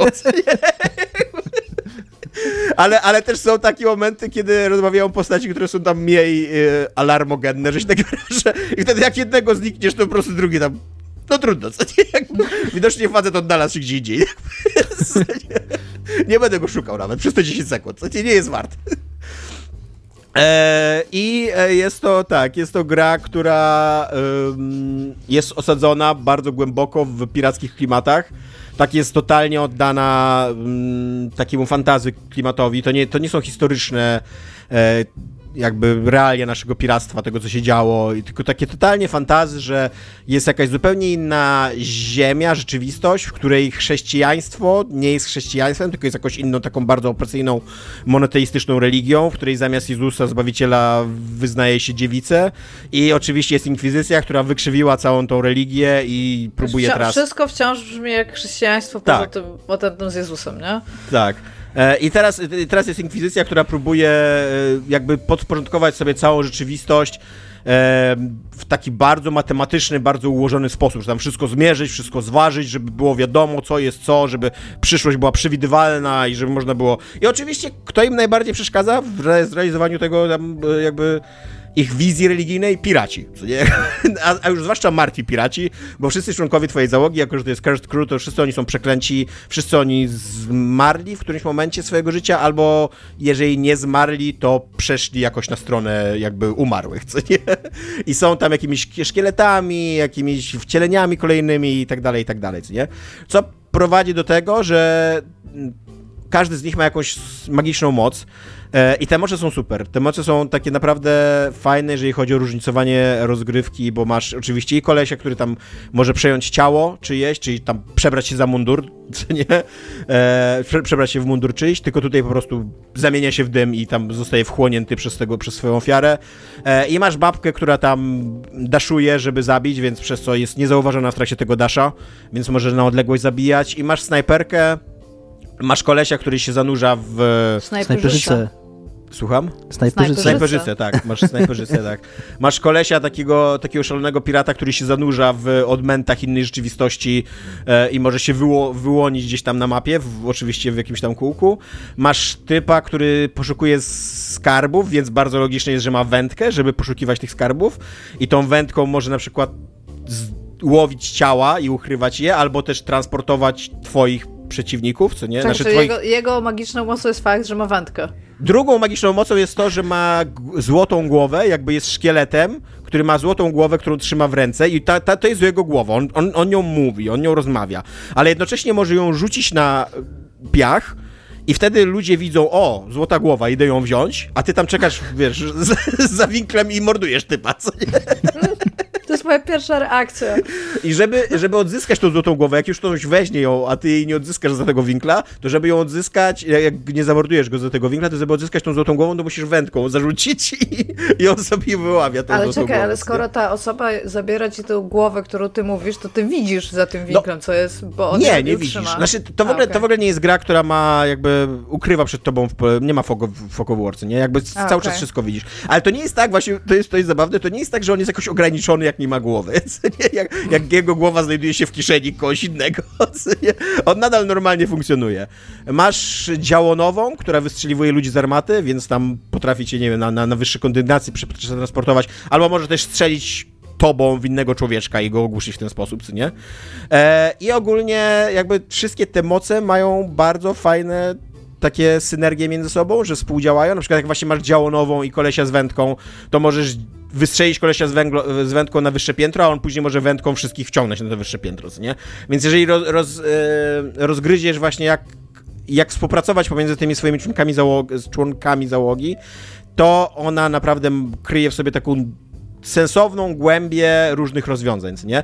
I to sprawia, że jest to gra, że właśnie, że za każdym razem jak dochodzisz do jakiegoś takiego momentu, kiedy albo musisz się przegrać przez pomieszczenie, albo musisz się wyczyścić, zależy czy chcesz grać mm, pokojowo, czy niepokojowo, czy tam zależy się na jakimś osiągnięciu bezkrwawym albo nie, e, to, to, to, masz tak, że, że siedzisz i się zastanawiasz, jak to rozwiązać, nie? I tak jak w grach um, turowych, masz taki moment podjęcia decyzji, kiedy to się w końcu dzieje, jakby już, już rozważyłeś wszystkie za i przeciw, naciskasz y, ruch i to się dzieje, nie? I już nie możesz tego cofnąć. Tak tutaj poprzez to, że ta gra jest cała nastawiona na save scamming e, i masz, cały czas robisz e, quick save i cały czas robisz quick loady, tak e, to całe planowanie jest raczej takim, taką metodą prób i błędów, co nie? Że o, to spróbujmy tak zrobić, a nie, jednak mnie wykryli, co nie? To przywołuje save'a, to dobra, to spróbujmy tak zrobić, a nie, jednak mnie wykryli, co nie?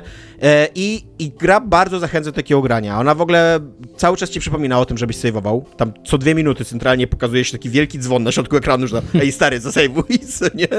E, a do tego jeszcze w ogóle cały ten system save'owania, to jest tak, że ty jesteś, ta, ta, ta twoja załoga to jest załoga takiego świadomego statku, żywego statku. Red Marley ona się nazywa. Ona ma swoją własną osobowość i ona też ma jakby swoją magiczną moc.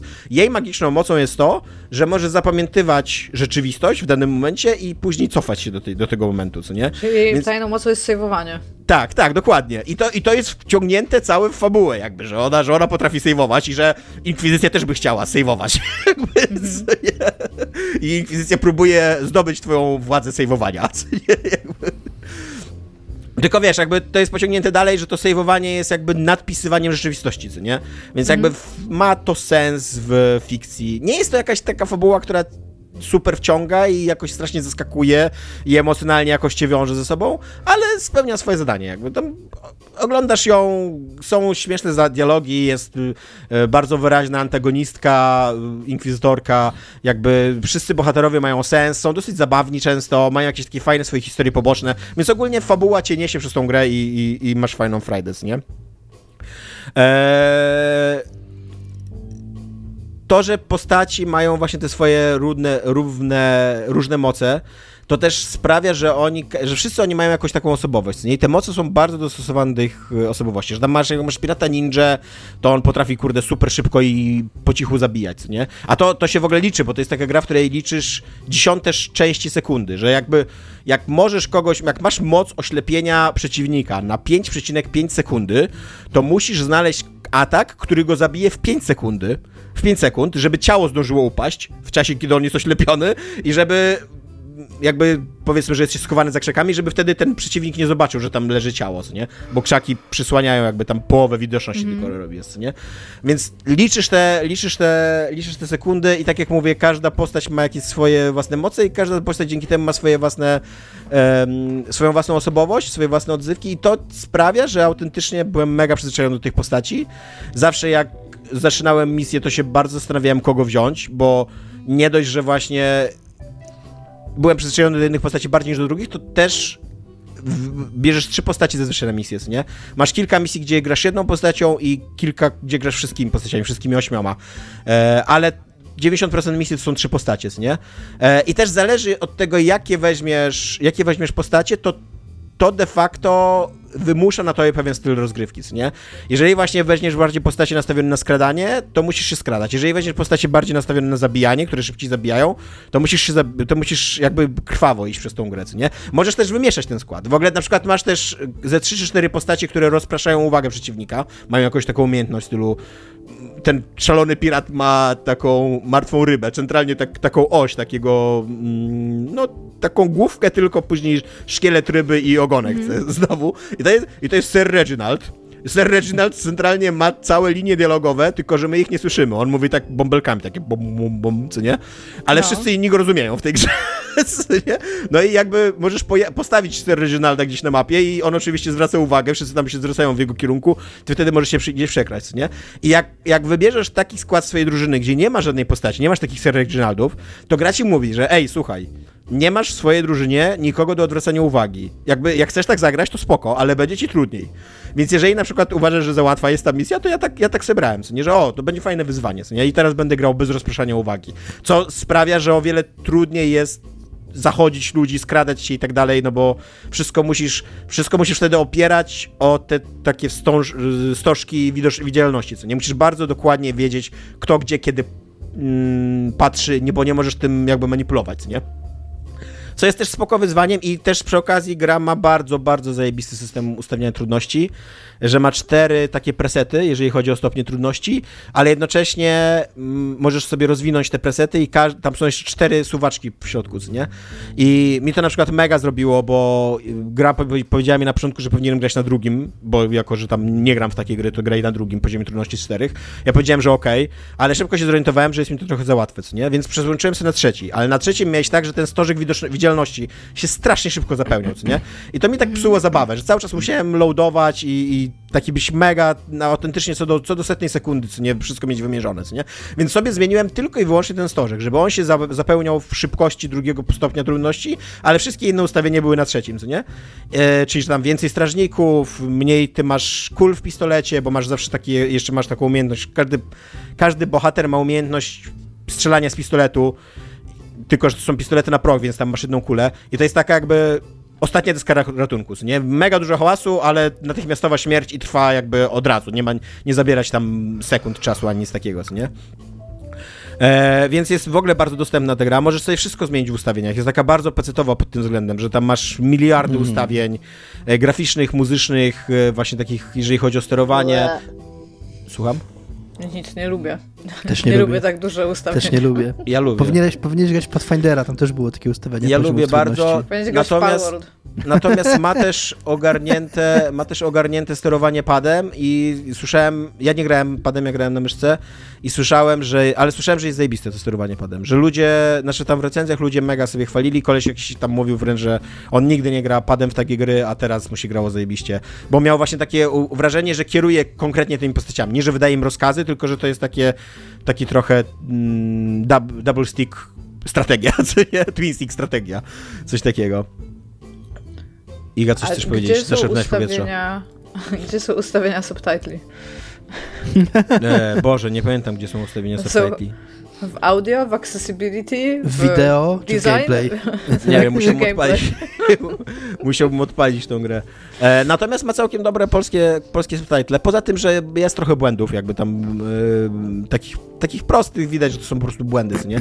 Ale jak są jakieś takie nazwy własne, tam jest tam taki, takie żywe drzewo na przykład, to jest jego normalnie, jego, jego, jego imię jest przetłumaczone na polski i jest to taki spoko, spoko jakieś słowotwórstwo jakie, co nie? Um, Coś jeszcze mam do powiedzenia? Dlaczego A, nie masz... przytoczysz jakie... Właśnie. Yy, Boże, bo nie pamiętam po prostu, A, okay. tak z głowy. E, nazywa się Roślak, ale, ale Roślak, co dalej, to nie pamiętam, bo to bo dwuczłonowe to miało. Oni go skracają zawsze do Roślaka. Eee... I teraz muszę przecież to googlać w tle, bo oczywiście ktoś mi później powie, że jestem mega niekompetentny, bo nie pamiętam ksywy. Roślaka. Nie, nie, nie, nie, nie, przypomnę sobie. O, wino Roślak nazywa się. E, więc tak, jest to, jest to spoko nazwa, spoko, spoko tłumaczenie, co nie, jakby y, na polski, jakieś takie właśnie mówię, słowotwórstwo, co nie. E, I to, co mega szanuję w tej grze, to jest to, że ona ma kilka wysp, jakby, na których się dzieją, na których się dzieje dużo więcej misji niż jest tych wysp, nie? Więc ty te wyspy odwiedzasz po kilka razy. Tylko, że te wyspy są na tyle ciekawymi y, lokacjami, że za każdym razem, jak trafiasz tam z kolejną misją, to się okazuje, że ej, jest jeszcze taki jeden rejon tej wyspy, na którym nie byłeś. I ona się całe tam będzie rozgrywać. Więc z jednej strony masz takie wrażenie, że okej, okay, to jest rzeczywista, jakaś taka żywa lokacja i ty jakby pływasz pomiędzy tymi samymi wyspami, ale z drugiej strony za, za każdym razem odkrywasz coś nowego, nie? Ma to taki jeden mały minus, że jak idziesz do tej nowej części wyspy, do tej nieodkrytej wcześniej części wyspy, to zazwyczaj musisz przejść przez jakiś teren, który już wcześniej zbadałeś, nie? A że mm, no to jakby ustawienie przeciwników jest zawsze takie same, bo to jest w ogóle bardzo pieczołowicie trzeba tam ustawiać przeciwników, ich te wszystkie stożki widzenia i tak dalej. To nie jest coś, co możesz sobie randomowo po prostu rzucić na mapę w takiej grze. No to masz coś takiego, że okej, okay, tędy już szedłem, to już wiem, jak rozwiązać ten korytarz. Już wiem, jak tam kogo, kogo zabić w jakiej kolejności, żeby to zrobić, nie? Ale to autentycznie są to jakieś takie jednostkowe sytuacje, nie jest to coś, co mi psuło zabawę. E, więc, a i jeszcze co to jak, jak na grę, która kończy jakby karierę tego studia Mimi, to uważam, że to jest zajebisty taki wpis do CV dla wszystkich ludzi, którzy go robili. Bo to jest gra dopracowana w każdym, w każdym momencie, co nie? Jakby tak patrzysz na nią i nawet jak ci się nie podoba sam gameplay, jak, nie, jak się nie bawisz dobrze, jak to nie jest twój styl gry, nie? To ona ma wartości produkcyjne, to jest taka, wiesz, średnio budżetowa gra indie, ona ma e, takie, takie właśnie production values tak wysokie, tam są tak zajebiste animacje postaci na przykład, nie? To jest gra, w, w której zazwyczaj widzisz te postacie tam, nie wiem, no, na wysokość, kurde, centymetra czy dwóch na ekranie, co nie? Ale ja, ja za każdym razem, jak nową postać odkrywałem, to robiłem sobie zbliżenie, bo tam z, jakby na początku masz tylko dwie postacie z tej ośmioosobowej załogi, później sobie musisz kolejne wskrzeszać, nie? To robiłem sobie zbliżenie na finishery, żeby tylko zobaczyć jak animacja, bo każdy ma inną animację, każdy trochę inaczej zabija, każdy ma też inną animację jakby tych swoich mocy specjalnych i tak dalej, co nie? Zajebiste to jest. Są, są zajebiście zrobione e, voice actingi, co nie? E, są zajebiście napisane takie scenki poboczne, zupełnie w ogóle najprawdopodobniej nieczytane przez większość graczy, co nie? Masz cały taki wątek poboczny, jak ta twoja, jak ten twój taki pirat ninja, e, dostaje ucznia jakby i ten jego uczniem jest taka e, drapieżna ryba, nie wiem, jakaś barakuda, coś takiego, tylko że już złowiona i powieszona na takich hakach i, e, i ona chce być twoim teraz uczniem, co nie? Żebyś ty był jego sensei i nauczył ją być ninją, co nie? To jest w ogóle dosyć śmieszne i, i, i zabawnie to jest poprowadzone, ale przez to, że ona jest podwieszona na tych hakach, to wydaje ci się dosyć naturalne, że ona powinna seplenić, tak mówić przez nos, nie? No bo jakby ma usta powkrzywiane. I totalnie to jest voice actingu, ona totalnie ma taki, taki śmieszny, sepleniący, kurde, aktora, który zajebiście ją daje i to cały, przez to ten wątek ma jeszcze w ogóle taką, e, taką, nie wiem, taką sympatię budzi, taką, że o kurde, jaka fajna jest ta ryba, co nie? Jak ona, ładnie, jak ona ma ładny voice acting, nie? E, I wie, wiele z tych rzeczy w ogóle nie musiało być zrobione w takiej grze, nie? Jakby ludzie by totalnie wiesz, przymknęli oko, nie? Na, na, coś takiego. A właśnie, tak jak mówię, ona ma zajebistą ścieżkę dźwiękową, mega taką piracką, taką, właśnie taką taki soundtrack. To, to, co mówisz, to jest dokładnie tak jak z muzyką do Roar 2. Roar 2 nie potrzebowało mieć tak genialnego soundtracku, totalnie Risk of Rain 2 ma bez żadnego powodu slapping soundtrack, po prostu każdy jeden kawałek. Tak, albo na przykład ma coś takiego, że y, ten, ten twój statek, ta Red Marley, jest y, hubem takim pomiędzy misjami, nie? I jak odblokowujesz sobie kolejnych Y, piratów, to oni się po prostu pojawiają na tym statku, ale razem z nim pojawiają się jakieś różne takie elementy, jakby, że widać, że oni żyją na tym statku, że coś tam, jak, jak odblokowuje sobie dziewczynę, która tam manipuluje roślinami, to nagle się pojawiają roślinki na tym statku, nie? Albo masz taki y, wątek poboczny, że organizujesz slam poetycki, co nie? Dla kościotrupów w ogóle, co też jest dosyć zabawne. I, i w pewnym momencie rozwieszasz plakaty tego slamu poetyckiego i one później zostają. I autentycznie też masz takie, ej, ej, a pamiętasz ten, ten wątek, jak, roz, jak robiliśmy slam poetycki? To jest jest jakby to już jest część życia tego statku, co nie? Takie, mówię, takie bardzo... Takie rzeczy, które, kurde, nikt by nie zwrócił uwagi, gdyby ich nie było, co nie? A przez to, że są, to no to ta gra sprawia wrażenie takiej żyjącej, właśnie zaludnionej swoimi własnymi, fajnymi postaciami, które mają swoją osobowość, które mają jakieś takie swoje dowcipy, coś tam, jest jakaś chemia między nimi. One często mają też jakiś taki banter między sobą i on też jest dobrze napisany i zabawny zazwyczaj, co nie? Więc tak totalnie polecam, jakby jest zajebista ta gra, naprawdę. Ona nawet ma coś takiego, że jak ją skończysz, to masz mniej więcej 40% gry zrobionej, co nie? I masz jeszcze mnóstwo wyzwań, mnóstwo tam jakichś takich misji pobocznych w stylu zabij wszystkich ludzi w trakcie jednej misji na wyspie, co nie? Albo, albo coś tam. I jak dojdziesz do 85%, czyli że praktycznie musisz drugi raz tyle samo grać w tą grę, to się odblokowuje jeszcze jedna dodatkowa postać. Taką, taki, taki ma plus skowany dla tych ludzi, których, tak, którzy chcą, wiesz, y, przejść całą grę i wszystko w niej odkryć. Więc, y, no mówię, no jakby mega jest zrobiona ta gra, jakby całkowicie ją polecam, jeżeli szukacie takich gier. Przy czym wydaje mi się, że to nie jest gra dla każdego. Jakby tam sprawdźcie sobie, bo nie każdy ma tyle cierpliwości, nie każdego to kręci. E, nie każdy lubi save scamming też, a ta gra jest bardzo nastawiona na save scamming. Wydaje mi się, że takie granie na żywca po prostu i reagowanie cały czas na alarmy i tak dalej, to nie jest zbyt zabawne. Przynajmniej mi to... Ja miałem czasem tak, że o kurde, dawno temu zrobiłem save'a, to niech już ten alarm się skończy, co nie? Ale to później masz takie wrażenie, że kurde, ta misja jakaś taka brudna była, co nie? Jakoś tak sprofanowałeś ją. Że co, to, co, co z nas za piraci, jak tam kurde alarm był w trakcie, co nie? Na, na, naszej, na, naszej misji. E, aczkolwiek miałem też takie momenty, że jak już były takie, takie powerplaye, że jak już wyczyściłem prawie całą mapę, to zaczynałem wtedy sięgać po pistolety, co nie, już się nie przyjmowałem tym hałasem, bo już wiedziałem, że już nikt nie zareaguje na ten hałas. Już mogę cię po prostu rozstrzelać, ty piec. Więc e, tak, Shadow Gambit, The Cursed Crew, bardzo, bardzo polecam. Bardzo mi przykro, że to studio się rozwiązuje. Eee, już się znaczy już się rozwiązało. Słucham? Już się rozwiązało, przepraszam. Już się rozwiązało, aczkolwiek oni zapowiadali, że jeszcze przez jakiś czas będą płacić swoim pracownikom więc możliwe, że ono jeszcze jakby tak realnie działa, tak fizycznie, bo do tego jeszcze też wydali dwa DLC i trzecie darmowe, więc jakby jest tam jeszcze jakaś robota robiona, nie? To nie jest tak, że oni wydali grę, zamknęli się i naraz, nie, już nas nie ma. Więc wydaje mi się, że albo jeszcze wszyscy wręcz pracują w tym studiu, albo jeszcze jakaś taka szkieletowa załoga, że się tak wyrażę, nice. jest, jest Kol, kol, To jest wciąż najlepszy żart w historii. Nie, nie pamiętam Michała Kowala czy Michała Piwowarczyka. Wydaje mi się, że Piwowarczyka. Jak graliśmy w Sea of Thieves i mówił, że na tej wyspie jest tylko Skeleton Crew. A, jeszcze jedno mam zastrzeżenie na koniec, że trochę brak stawki fabularnej w tej grze, dlatego że, że sama fabuła ma swoją stawkę, ma tam postaci... Znaczy, pokonujesz ma... chrześcijaństwo z tego, co mówisz. Pokonujesz chrześcijaństwo, tak. wysoki... Tak, ale to jest główny wątek, Cel. a ten główny wątek rozgrywa się tam w siedmiu, ośmiu misjach na dwadzieścia kilka, które musisz przejść, nie? Mhm. Natomiast reszta tych misji jest taka, że żeby wskrzesić kolejnego członka załogi, musisz mieć dwie rzeczy. Musisz mieć energię dusz i musisz mieć czarną perłę, co nie? Czyli ta, po prostu dwa McGuffiny musisz. Więc musisz zrobić dwie misje, żeby wskrzesić kolejnego członka. I jakby skończyć fabułę możesz dopiero jak masz całą załogę wskrzeszoną i co więcej, jeszcze zrobisz cztery sidequesty. Dla czterech członków załogi zrobisz sidequesty, co nie? Więc jakby ta twoja walka z Inkwizycją to jest trochę taka, taki marginalny twój problem w tej grze, bo ważniejsze jest, żeby zbierać perełki i rozwiązywać problemy osobiste twojej załogi, co nie? Jak już jakby, jak tego wystarczająco dużo zrobisz, to możesz iść i zabić tą Inkwizycję, Ale mówię, to też jest taki tam pomniejszy błąd i, i pomniejszy problem. A na ile to jest godzin? Ja przechodziłem, dosłownie wczoraj skończyłem linię fabularną, a oczywiście zacząłem od, od, razu grać dalej, bo chcę przejść wszystkie te sidequesty postaci, ale samo, samo główne przejście gry zajęło mi 35 godzin. Czyli Co... to jest też kawał gry. Kawał gry, Tak, no. jest, jest to kawał gry. Co pewnie jest szybciej do zrobienia, bo ja mówię, ja nie wiem kiedy komandosi pierwsi byli, kurde, jakaś prehistoria, co? Lata 90. No, no właśnie, w każdym razie komandosi pierwsi to był mój ostatni kontakt z tymi grami. Można trochę argumentować, że rok temu grałem w te Alieny, ale to też jest jakby taka strategia na żywo z aktywną pauzą, ale tam zupełnie inaczej gameplay wygląda, nie zupełnie. Więc, więc jest to mój powrót do tego gatunku po 20 latach, powiedzmy, co nie? Więc pewnie ssałem mocno.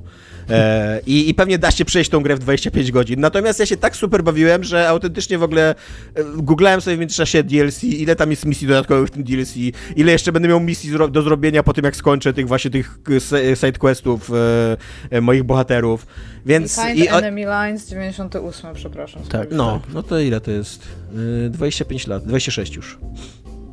Jezus Maria. Jesteśmy starzy. Tak. Więc y, jakbyście szukali takiej gry, mega polecam, mega zajebista. I też jakbyście nie szukali, to może spróbujcie, bo... e... nie szukali, też polecam. Wiesz co, no bo jest to tak dobrze zrealizowana gra, yy, tak właśnie mówię, ona jest tak dobrze zaprojektowana i poprowadzona i właśnie te wszystkie takie voice actingi, humor i tak dalej, że totalnie jestem w stanie sobie wyobrazić, że ktoś, komu się wydaje, że się nie będzie w niej dobrze bawił, odkryje, że się bardzo dobrze w niej bawi. Czy jako, że to studio już upadło, upadło i tak, to masz ją na Steamie? mam ją na Steamie, tak. Okay, e, mam ją na Steamie. Co więcej, jakbyście byli zainteresowani, żeby tylko ją sprawdzić, to ona ma też demo na Steamie, co nie? Co jest zawsze na propsie. Więc tak. możecie sobie ściągnąć za daremko demo y, i, i sprawdzić. E, więc tak. E, Shadow Gambit The Cursed Crew. A jeżeli e, no. i wiecie, jaką grę chcecie, a czegoś szukacie, to pewnie Palworld. Nie. Aczkolwiek jest, to jest akurat w miarę spoko, że ta gra jest na Game Passie, no. Fakt, że Game Pass nie jest za darmo, ale można zobaczyć, odpalić na pół godziny i stwierdzić, że totalnie to nie jest dla was. Albo wsiąknąć na 6 kolejnych dni, jakby, nie wiesz Dominik, różnie jest. Yy, tylko przedziwne jest to, że na tym Game Passie jest stary build tej gry. Na Steamie tak. jak kupisz, to masz nowszy build, podobno jest znacząca różnica między tymi dwoma buildami. Więc jakby ja na, na Game Passie tylko. jesteś gorszym użytkownikiem.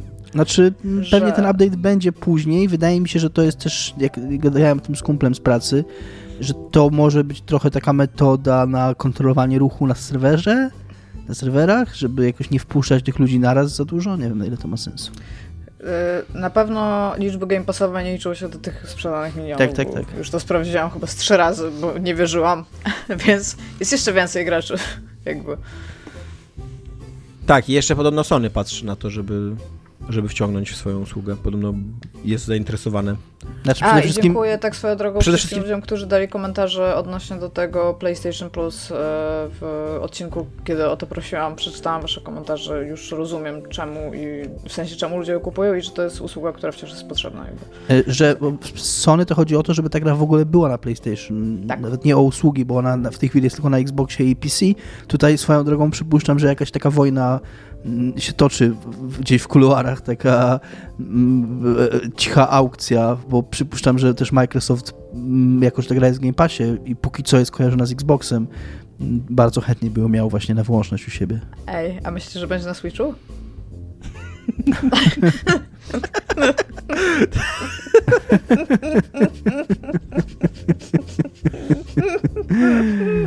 Przepraszam, musiałam się zapytać. Ciekawe Microsoft, te... pewnie, Microsoft pewnie za, po to zwolnił 2000 ludzi z Activision Blizzard, żeby kupić teraz mm, studio odpowiedzialne za Palworld. Tak, i później zwolnić ludzi stamtąd. Tam jest e, jedna stażystka. Więc... Ciekawy mi się wydaje taki case, jakby oni chcieli rzeczywiście wprowadzić grę na Switcha, bo chyba y, jest ryzykowne takie odgórne zakazanie wprowadzenia gry na twoją platformę, bo to jest oczywiście jakiś tam przyszynek od razu do zarzutów o monopolową pozycję, co nie, na rynku. I, a skoro Nintendo nie wytacza jakby procesu, no właśnie, to, to na jakiej podstawie chcieliby tak zablokować? Tak na bezczela powinni po prostu pójść do Nintendo i powiedzieć, ej, mamy taką grę, może nie słyszeliście, Palworld, jest dosyć popularna, chcielibyśmy, żeby była na Switchu. 30% zysków dostaniecie. Tego, tego, kurde... Czy 50, nie wiem. Klona Last of Us wrzucili na sklep, tak? Co Tomek grał i polecał tak, tak. w podcaście. You Dead. Tego. Tak. Nadal uważam, że to jest jeden z najlepszych ekranów umierania, po prostu You Dead.